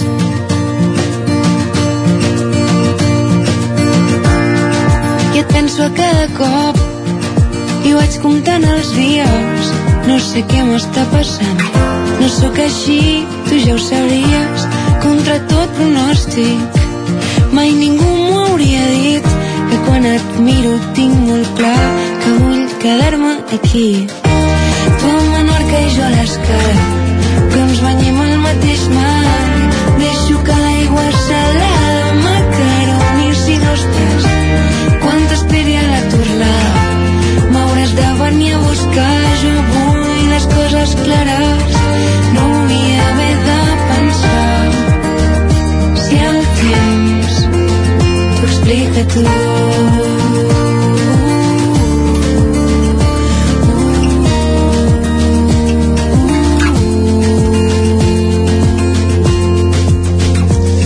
Estem escoltant la Su amb aquesta cançó Tu a Menorca i jo a l'Escala i jo n'he trobat una, eh? Això de l'aigua salada macaroni si no estàs, l'he trobat ja t'he vist que aquesta, res, eh? aquesta l'he trobada doncs bé, és que gairebé no hi ha res més, eh? Ah, carai Però bé, és prou important aquesta per portar-la, eh? Bé, per què us he portat aquesta cançó? Mm, doncs perquè vull destacar un fenomen que sorgeix últimament i que alguns experts eh, n'han parlat i en parlen amb força i anomenen el bilingüisme cordial Su eh, representa doncs tot un, una generació dels adolescents sí. i eh, en les seves cançons s'hi nota aquesta interferència del castellà i molts lingüistes es queixen doncs que el, el català relaxa, ho sabem tots i en el fons mm, aquest relaxament de, en el llenguatge el perjudica en, en la mateixa llengua eh?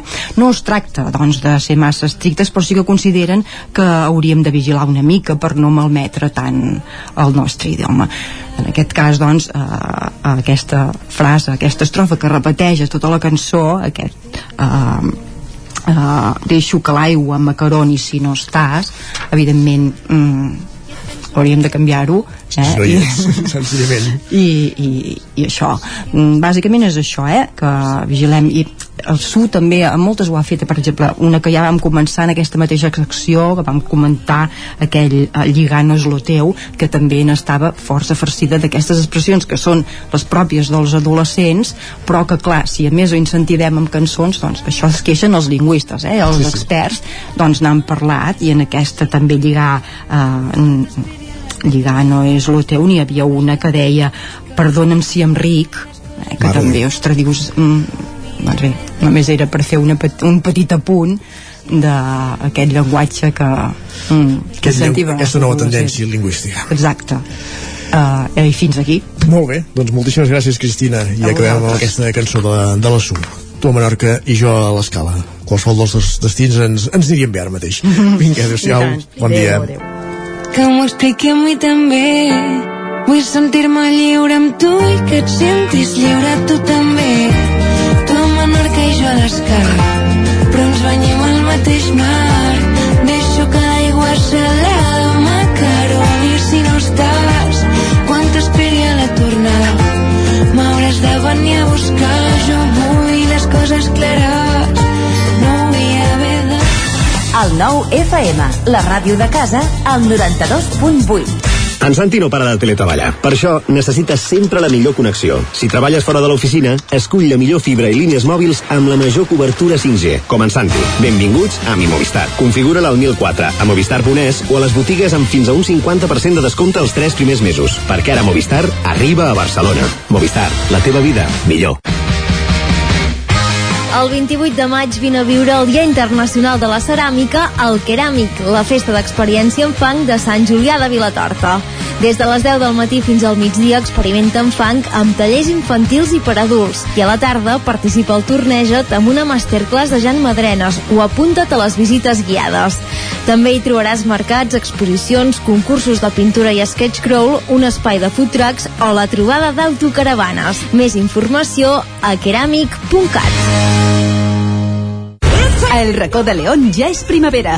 Gaudeix de la nostra terrassa. Vine a tastar les xuletilles de l'Echal a la brasa amb una bona amanida o el xuletón de vedella gallega. No et pots perdre el nostre lechado de Castilla al forn o el cochinillo a l'estil de Segovia. Tot acompanyat del millor celler, al menjador o fora la terrassa.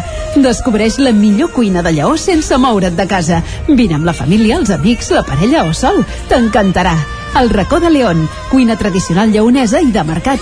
Som al carrer Torelló número 35 de Vic. Per reserves, telèfon 93 889 1950.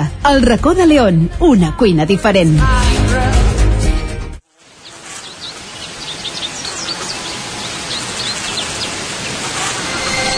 Coneix les herbes remeieres. Gaudeix de Vilanova de Sau. Trentena Fira d'Herbes Remeieres de Vilanova de Sau. Diumenge 5 de juny. Ajuntament de Vilanova de Sau.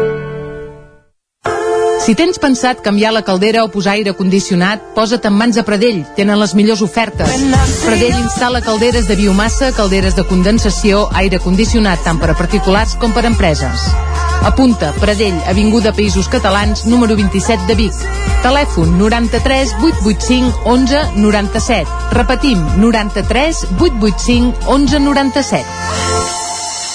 Cocodril Club. Si t'agrada la bona música dels anys 60, 70 i 80, escolta el 9 FM als matins de dissabtes i diumenges d'11 a 1. És el temps del Cocodril Club, tot un clàssic de la ràdio, amb les bases del pop-rock, les llegendes, les cançons que s'han convertit en autèntics himnes. Recorda, dissabtes i diumenges al matí, d'11 a 1, al 9 FM 92.8. Cocodril Club, el programa revival de l'Albert Malla. Hasta luego, cocodrilo. Territori 17. A Tren d'Alba. Cada dia els usuaris de la línia R3 de Rodalies que veuen sortir el sol des d'un vagó ens expliquen les gràcies i les penes del primer comboi que uneix Ripoll i Barcelona. Benvinguts a Tren d'Alba. Si us en recordeu, ahir us vam explicar quina era l'opinió de l'usuari Marc Jancà sobre els nous horaris de la línia R3. Una dada que va donar és que es mantenia la mitjana global al voltant d'una hora de l'espaiat dels combois, tant en un dia laborable com en un de festiu, i que la tendència era que s'uniformés. L'espaiat màxim es redueix d'una hora 47 minuts a una hora i 3 minuts en dies laborables, però es manté en dues hores en els dies festius. I després va apuntar quin era el gran problema. Abans, entre Ripoll i la plaça de Catalunya, el temps que es trigava era d'entre una hora i 34 minuts amb el tren bala a 2 hores i 12 minuts. Ara és més homogeni, però s'allarga entre una hora i 50 minuts i 2 hores i 6 minuts, sense comptar els dies que hi ha retards, és clar. En global, la mitjana s'allarga en 4 minuts els dies laborables i en 7 els festius. Això és l'efecte d'aquesta tendència general aplicada a rodalies de reducció de trens directes i semidirectes. Un perjudici per Ripoll, ja que el tren bala feia un servei molt valuós en dies laborables. La fiabilitat amb la puntualitat i la velocitat són els dos grans reptes que té la R3 i el desdoblament de la via és clau per aconseguir-ho. Va, escoltem la crònica que ens va fer la Glòria Francolí ahir a la tarda. Hola, molt bon dia. Aquí la Glòria des de la R3. Avui el tren que ha sortit a dos quarts de sis de l'estació de Sants ha arribat a Torelló amb 5 minuts de retard. Avui el tren eh, he gravat un àudio que m'agradaria que poguéssiu escoltar després perquè vegeu el nivell de la manca de manteniment de, dels serveis que en un principi s'haurien de poder garantir quan tu vas en transport públic, com per exemple que la megafonia funcioni sigui clar, intel·ligible i sobretot que el soroll o, o que el so que emet el missatge no sigui molest. Doncs ja veureu que ens hem passat el viatge amb uns pitos entremig del missatge sonor que s'enviava. Això és super habitual, no, no hi ha cap novetat aquí. Però avui, clar, des de Sants fins a Torelló, eh, ho he sentit doncs, tantes vegades com estacions hi ha entre aquestes dues estacions i m'ha semblat un molt bon exemple del que passa a vegades quan vas en tren i no es fa un manteniment correcte del servei. Us deixo, doncs, amb aquesta magnífica sonat al tren. Que tingueu molt bon dia. Doncs escoltem aquest àudio que has gravat, a veure què tal se sent la megafonia. Atenció, un dia a un costat i a l'altre abans de travessar. Un tren, pot ocultar-ne un altre. Próxima parada, Martín de. Atención, estación dotada de paso habilitado para cruzar la ciudad. Por su seguridad, extreme la atención mire a ambos lados antes de cruzar. Un tren puede ocultarlo. En alguns moments és cert que costa d'entendre i de fons se sent algun sorollet molest, però tot s'ha de dir, m'ho esperava molt pitjor venint de Renfe. Em preocupa més la pronunciació que fan d'alguns noms i que a vegades la megafonia es quedi tallada mig missatge, que això també ens hi hem trobat. Va, ens retrobem demà amb més històries del tren i de la R3. Territori, Territori 17. 17. Territori 17.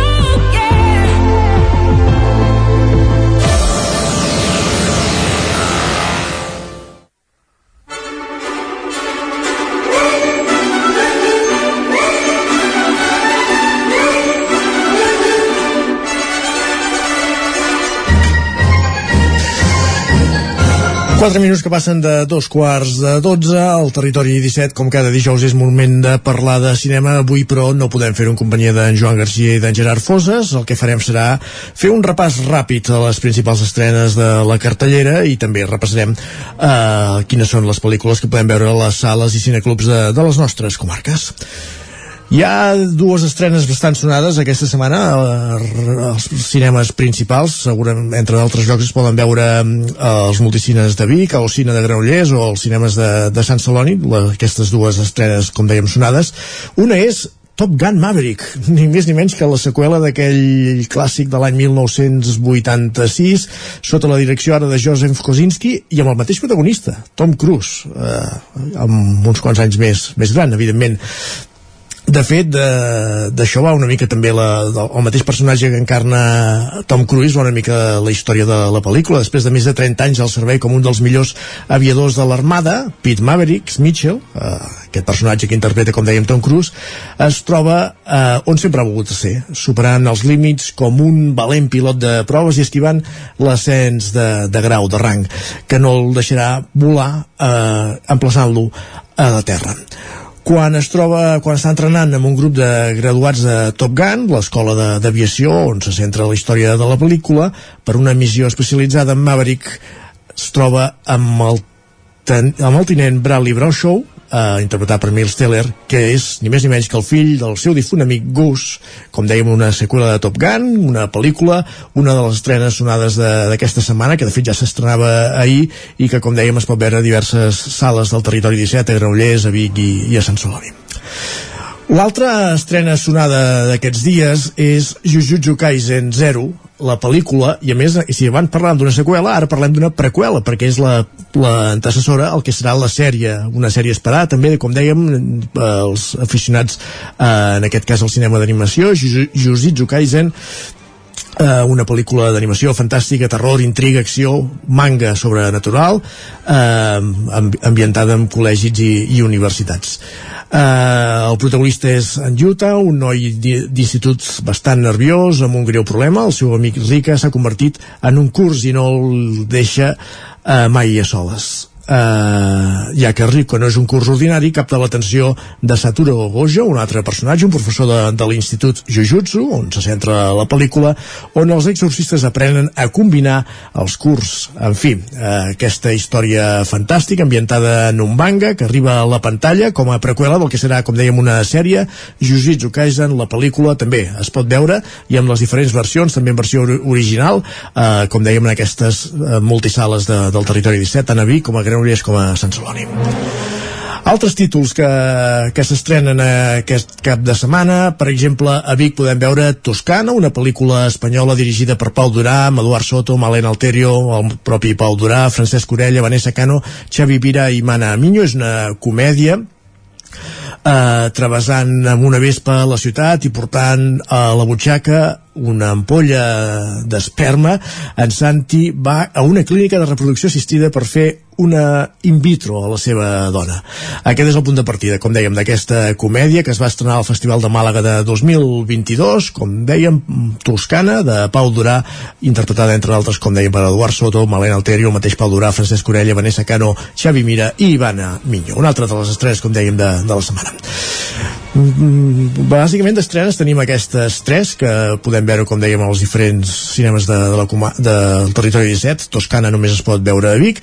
I ara, si us sembla, el que podem fer és repassar la resta de sales del territori 17, quines pel·lícules podem veure. Són moltes pel·lícules estrenades en el darrer any, en algun dels casos, pel·lícules de cineclub. Hi ha, diversa, hi ha una programació molt àmplia eh, als cinemes del territori 17. Per exemple, a Sant Celoni, en l'àmbit de cineclub, podem veure Moessier, una pel·lícula francesa, un documental francès sobre la figura de Jean Omerson. Eh, el, a l'Esbarjo de Cardedeu, Ària Ferma, una pel·lícula italiana, una coproducció de fet italiano-suïssa francesa d'una eh, un drama sobre una antiga presó del segle XIX ubicada en una zona inaccessible i indeterminada d'un del territori italià i que està sent abandonada per problemes burocràtics els trasllats estan bloquejats i queden a l'entorn d'una desena de, d'una dotzena de presos amb pocs agents esperant nous destins. En aquest context, a poc a poc, eh,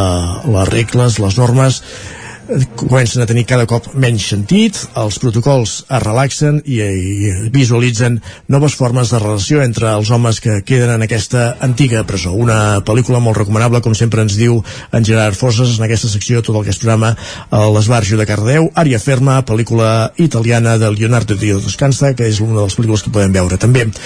Al cinema a l'Ambra de la Garriga hi ha diverses propostes, una d'elles és Cinco Lobitos, però també, per exemple, el documental Ennio el Maestro, sobre la trajectòria del recentment desaparegut Ennio Morricone, compositor de, de bandes sonores, una pel·lícula de Giuseppe Tomatore i, evidentment, com no pot ser d'altra manera, música del mateix Morricone. Com dèiem, és un documental que podem veure al cinema a l'Ambra de, de la Garriga. En canvi, en, encara en l'àmbit dels documentals, eh, en el cicle de Docs Barcelona, el cinema Edison de Granollers programa El silencio del topo, una pel·lícula, eh, un documental també de, de Guatemala, ambientat, com dèiem, a Guatemala, eh, al, al llarg dels anys 70 el periodista Elias Barahona alias El Topo es va infiltrar al cor d'un dels governs més repressius de Guatemala per desvetllar la història d'aquest individu reservat i únic. Apareix aquest documental que com dèiem podem veure a Granollers a divendres a dos quarts de, de sis de la tarda. Als cinemes Edison una pel·lícula del cicle Docs Barcelona. Encara als cinemes Edison de Granollers en versió original podem veure Cinco Lobitos una pel·lícula espanyola de Lauda Ruiz de Azua, un drama sobre la maternitat, eh, en aquest cas protagonitzat ni més ni menys que per la Laia Costa que interpreta el personatge de la Maia que acaba de ser mare i s'adona que no sap molt bé com, com ho ha de fer. Eh, a l'absentar-se al marxar al, la seva parella, per feina unes setmanes, decideix tornar a casa dels seus pares, un bonic poble coster del País Basc, i ell, costaner, i allà és comparteix la responsabilitat de cuidar el seu nadó. El que no sap Amaya, que ara serà madre, ara que serà mare, no deixarà també de ser filla. En fi, un drama, com dèiem, sobre la maternitat, protagonitzada per uh, Laia Costa, aquesta pel·lícula de Lauda Ruiz de Azúa, Cinco Lobitos, que podem veure en versió original al cinema Edison de, de Granollers. Anem cap al Ripollès, perquè, per exemple, al Comtal de Ripoll, al cinema Comtal de Ripoll, hi podem veure Doctor Strange, una pel·lícula nord-americana, un viatge a l'entorn desconegut del Doctor Strange que amb l'ajuda d'antics i nous aliats místics recorre les complexes i perilloses realitats alternatives del multivers per enfrontar-se a un nou i misteriós adversari. Tot així intrigant. Aquesta pel·lícula que, com dèiem, podem veure al cinema Comtal de Ripoll, Doctor Strange. Encara al Comtal de Ripoll, Evi, una nova era, una pel·lícula anglesa, britànica, de Michael Engler, una pel·lícula ambientada l'any 1927, quan la família Crowley i la seva carismàtica, eh, el seu carismàtic servei, es preparen pel moment més crucial de les seves vides, una visita del rei i la reina d'Anglaterra que que provocarà una situació d'escàndol, romans, romansos i intriga que posarà en perill el futur de, de Downton. En fi, una altra de les pel·lícules, com deien, que podem veure al territori 17. Encara al Ripollès, ara però cap a Ribes de Ferrese, al cinema a Catalunya podem veure El cielo protector, una pel·lícula anglesa de l'any 90 de Bernardo Bertolucci, un clàssic, un drama ambientat a l'Àfrica dels anys 40. La Jefa és la pel·lícula que podem veure al Casal Camprodoní, aquesta sí que és una pel·lícula d'aquest 2022 de Fran Torres i protagonitzada per Aitana Sánchez Gijón, entre d'altres eh, actors, un drama també sobre la, la maternitat, vaja, eh, com que repassàvem abans que, que protagonitzava la Laia Costa, en aquest cas la protagonista és la Sofia, una jove ambiciosa que treballa en una multinacional de la moda i que es queda embarassada sense haver-ho planificat. A partir d'aquí, doncs, comença el, la trama d'aquesta pel·lícula que podem veure al cinema Catalunya de Ribes i ens queden un parell de títols per repassar. El Casal Gràcia de Manlleu s'hi projecta diumenge a la tarda Libertat en el marc del cicle Gaudí, la, n'hem parlat prou ja de Libertat en aquest programa, és l'òpera prima de la cineasta mallenca Clara Roquet, eh, que ja ha obtingut diversos guardons, quatre premis Gaudí, dos premis Goya i que, com dèiem, aquest mes de maig es projecta en el marc del cicle Gaudí i, per tant, diumenge a la tarda arriba al cinema del Casal Gràcia de, de Manlleu. I l'última recomanació que fem ja és la de cine... dues recomanacions més, perdó, Il·lusiones perdides al Cineclub Aric de Ripoll demà a la tarda, una pel·lícula francesa de Xavier Giannoli eh, en aquest cas eh, a partir de l'experiència a partir de parteix la, la, la pel·lícula de la vida de Lucien, un jove poeta desconegut a la França del segle XIX. Aquesta és una pel·lícula, com dèiem, del Cineclub Àric de Ripoll demà a la tarda i a Cineclub Vic, amb qui sempre acabem aquest repàs a les cartelleres de casa nostra. I recordem que les pel·lícules de Cineclub Vic es projecten el dimarts, per tant ja dimarts que ve hi haurà un mètode perillós, en versió original subtitulada en català, una pel·lícula anglesa del Regne Unit de David Cronenberg eh, que explica la poderosa història del descobriment sexual intel·lectual basat en, en aconteixements reals a partir de la turbulència de la turbulenta relació entre el jove, el psiquiatre Carl Jung i el seu mentor Sigmund Freud. Eh, interpretat en aquest cas Freud per Viggo Mortensen. Com dèiem aquest drama biogràfic dels anys 1900 eh, que es podrà veure dimarts a Cineclub Vic un mètode perillós en fi, repassada la cartellera, ara que pràcticament són tres quarts de 12 del matí, completarem el Territori 17, com fem cada dijous també, parlant de sèries. Territori 17, el 9 FM, la veu de Sant Joan, Ona Codinenca, Ràdio Cardedeu, Territori 17.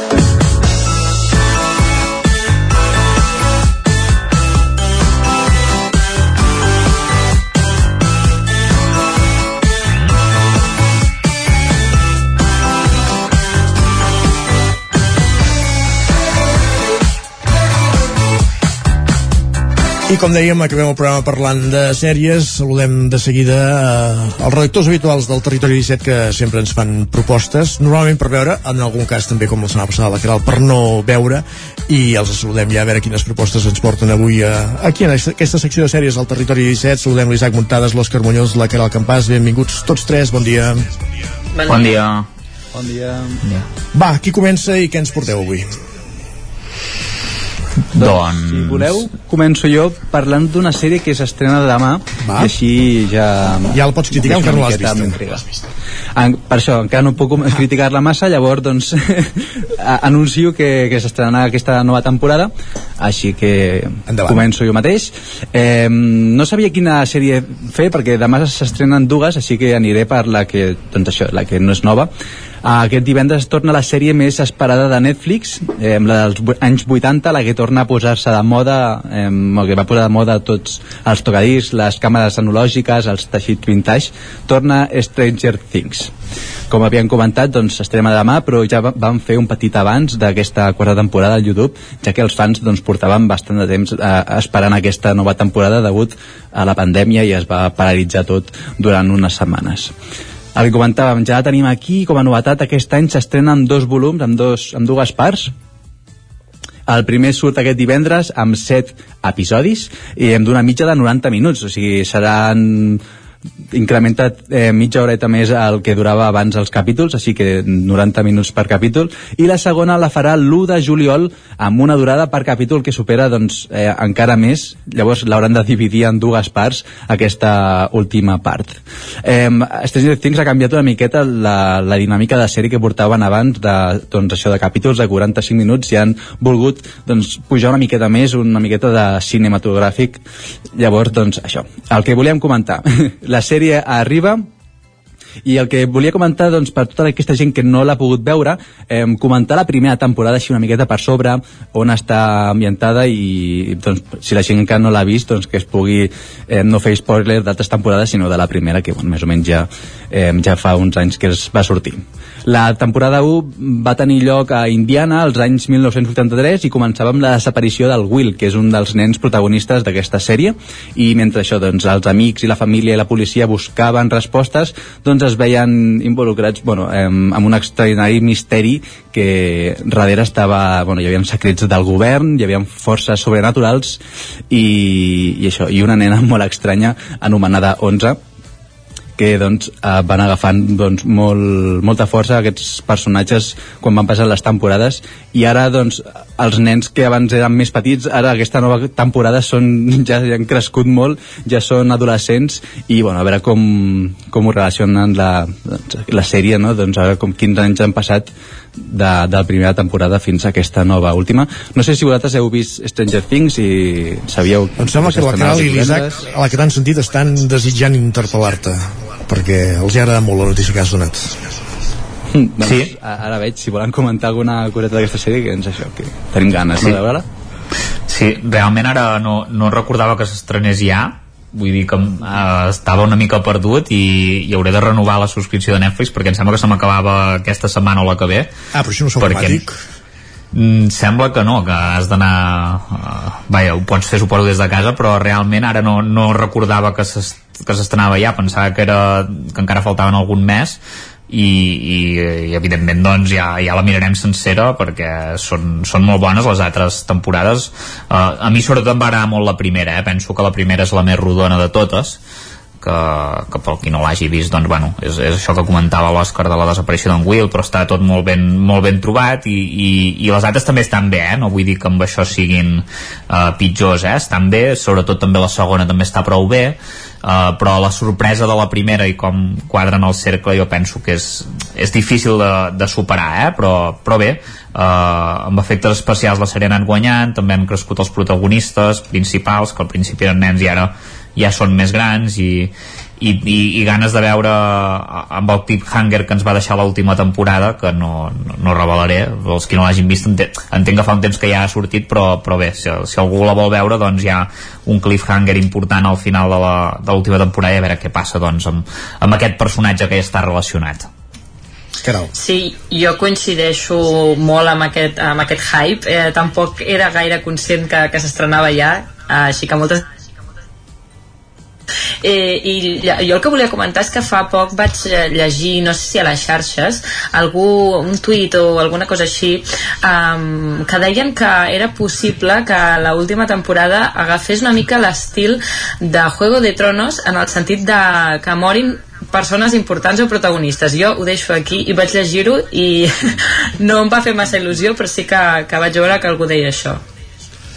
Ostres, ara, ara, ara m'ha espantat, eh, Caral, perquè realment... Eh, sí, sí que és veritat que és una sèrie que poder li falta això, eh, que deies tu, eh, que mm. no, no moren allò personatges importants, bé, això no és cap spoiler, vull dir que és, mm -hmm. és una sèrie que també en certa manera no, no diria que és infantil perquè realment és per adults i, i, té, i és temàtica de terror però està, hi ha nens que hi participen vull dir que, ostres, uh, si morís algun dels nens per exemple, a mi realment em faria bastant de pena però, sí, sí. però bé, uh, a, veure, a veure com va molt bé, uh, Stranger Things, la primera recomanació del dia, s'estrena demà, ens deia l'Òscar, l'heu vist tots tres, què més ens proposeu avui?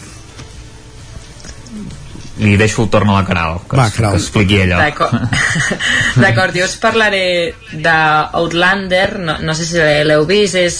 Bé, bé, sabeu que les històries eh, d'amor sempre són uns temes doncs, que solen bé, solen triomfar en pantalla en una gran part de, de públic eh, i el que no és tan habitual és que una sèrie doncs, barregi això eh, um, trama romàntica, drama, aventures, història i viatges en el temps. Um, i això ho dic i tampoc ho consideraria un spoiler perquè passa molt a l'inici de la sèrie una sèrie que ara estan preparant la setena temporada.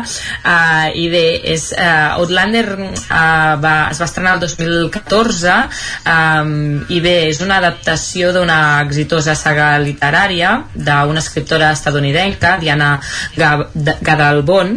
I, i bé, la protagonista és la, la Claire que és una infermera que fa tasques humanitàries a a la guerra anglesa dels anys 40 i que eh, al tocar unes eh, pedres mil·lenàries doncs, durant un viatge a Escòcia es desperta eh, segles enrere, concretament el 1743 um, i va allà doncs, eh, es coneix gent, coneix doncs, un altre dels protagonistes amb qui comencen doncs, una, una relació eh, i bé, tota la, totes les set, bueno, estan preparant la setena temporada a, a Netflix Netflix es pot veure fins a la cinquena, però és tot això Hem perdut... a la Claire Ara. i el Mm -hmm. és el que succeeix al voltant doncs, d'aquests dos protagonistes eh? la, la Claire i en Jamie aquest eh, escocès i, i tota la guerra també que, que envolta aquesta trama això es pot veure a Netflix fins la cinquena temporada i, i crec que d'aquí poc estrenaran la setena molt bé Isaac uh, vols que comenti un moment això o me'n vaig ja a la recomanació? Si, si vols aportar una cosa sobre el Lander, endavant.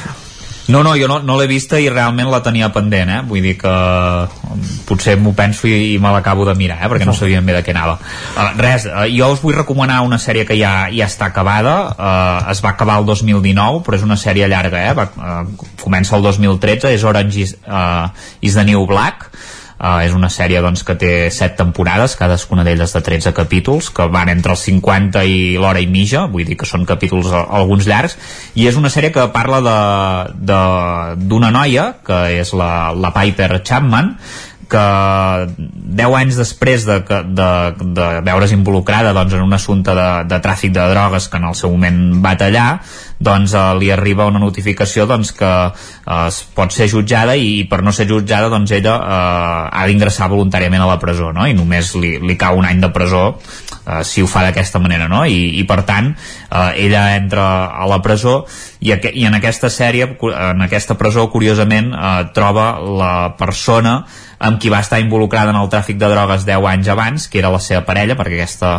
la Piper Chapman és, és lesbiana i amb la seva parella en, en el seu moment que es diu Àlex Baus doncs, eh, viuen una vida molt desenfrenada i 10 anys després doncs, es retroben eh, a la presó i reviuen doncs, els vells moments. És una sèrie molt, molt divertida, té, té punts de comèdia, diguéssim, però, però alhora també tracta temes molt, molt, molt importants, eh? com, com la immigració, l'exclusió social, una mica els drets de les dones a la presó, vull dir que també té moments allò durs, eh? no és només allò tot el rato rient, però sí que intenta buscar doncs, el somriure i, i, i, és una sèrie que retrata bastant eh, realment el, el que viuen les dones a, a la presó amb aquest, amb aquest toc d'humor i llavors eh, durant els, tots els capítols normalment eh, es, es fa una retrospectiva al passat tant, tant de la protagonista de la Piper com també de, de les altres preses que, que, que apareixen no? i s'explica una mica per què, per què han acabat a la presó quins delictes han comès i,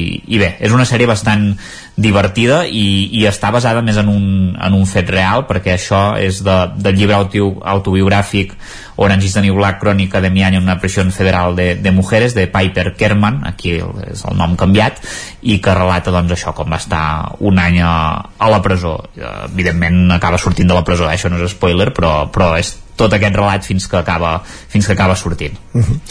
L'heu vist, l'Òscar Caral?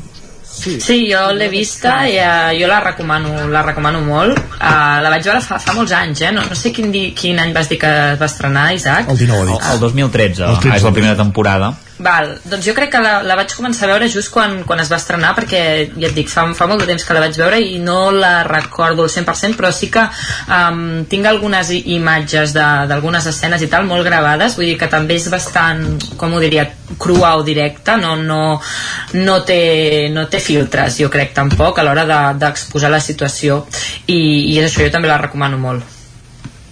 Sí, jo la vaig veure més tard eh, i també va ser una mala època perquè vaig començar Prison Break i Vis a Vis, o sigui, va, vaig estar veient tres Exacte. sèries de, de, de, de presons, no? Llavors, doncs, vaig acabar una miqueta fart d'elles però sí que és cert que aquesta sèrie a mi no la vaig acabar del tot perquè també hi ha un moment que la trama es canvia de, de, de lloc, no sé, d'ubicació llavors és com que em vaig perdre i la vaig deixar, però sí que al principi la vaig agafar amb molts de forces i, i això és molt entretinguda Perfecte, doncs no tenim gaire temps per més, ens falta un minut de, de programa, per tant gairebé és moment d'acomiadar. Òscar Muñoz, Isaac Montades, que era el campàs, gràcies un dijous més per parlar-nos de sèries aquí al Territori 17 també. Gràcies a tu. Adéu. Fins demà, bé. bon dijous a tothom i nosaltres el que anem és per acabar el programa d'avui, un territori 17 que hem començat a les 9 del matí, com cada dia, avui també, avui dijous, 26 de maig de 2022 i que arribarà a la seva fi ara, que són pràcticament les 12 del migdia.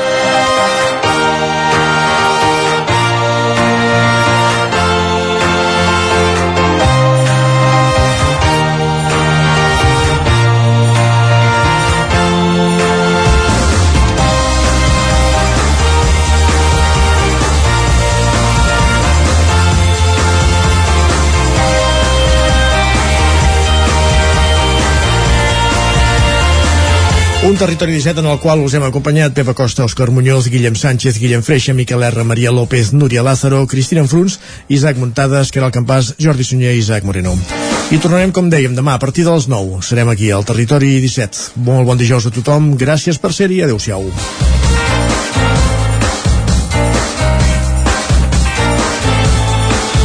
Territori 17 un magazín del nou FM. La veu de Sant Joan, Ona Codinenca i Ràdio Cardedeu amb el suport de la xarxa.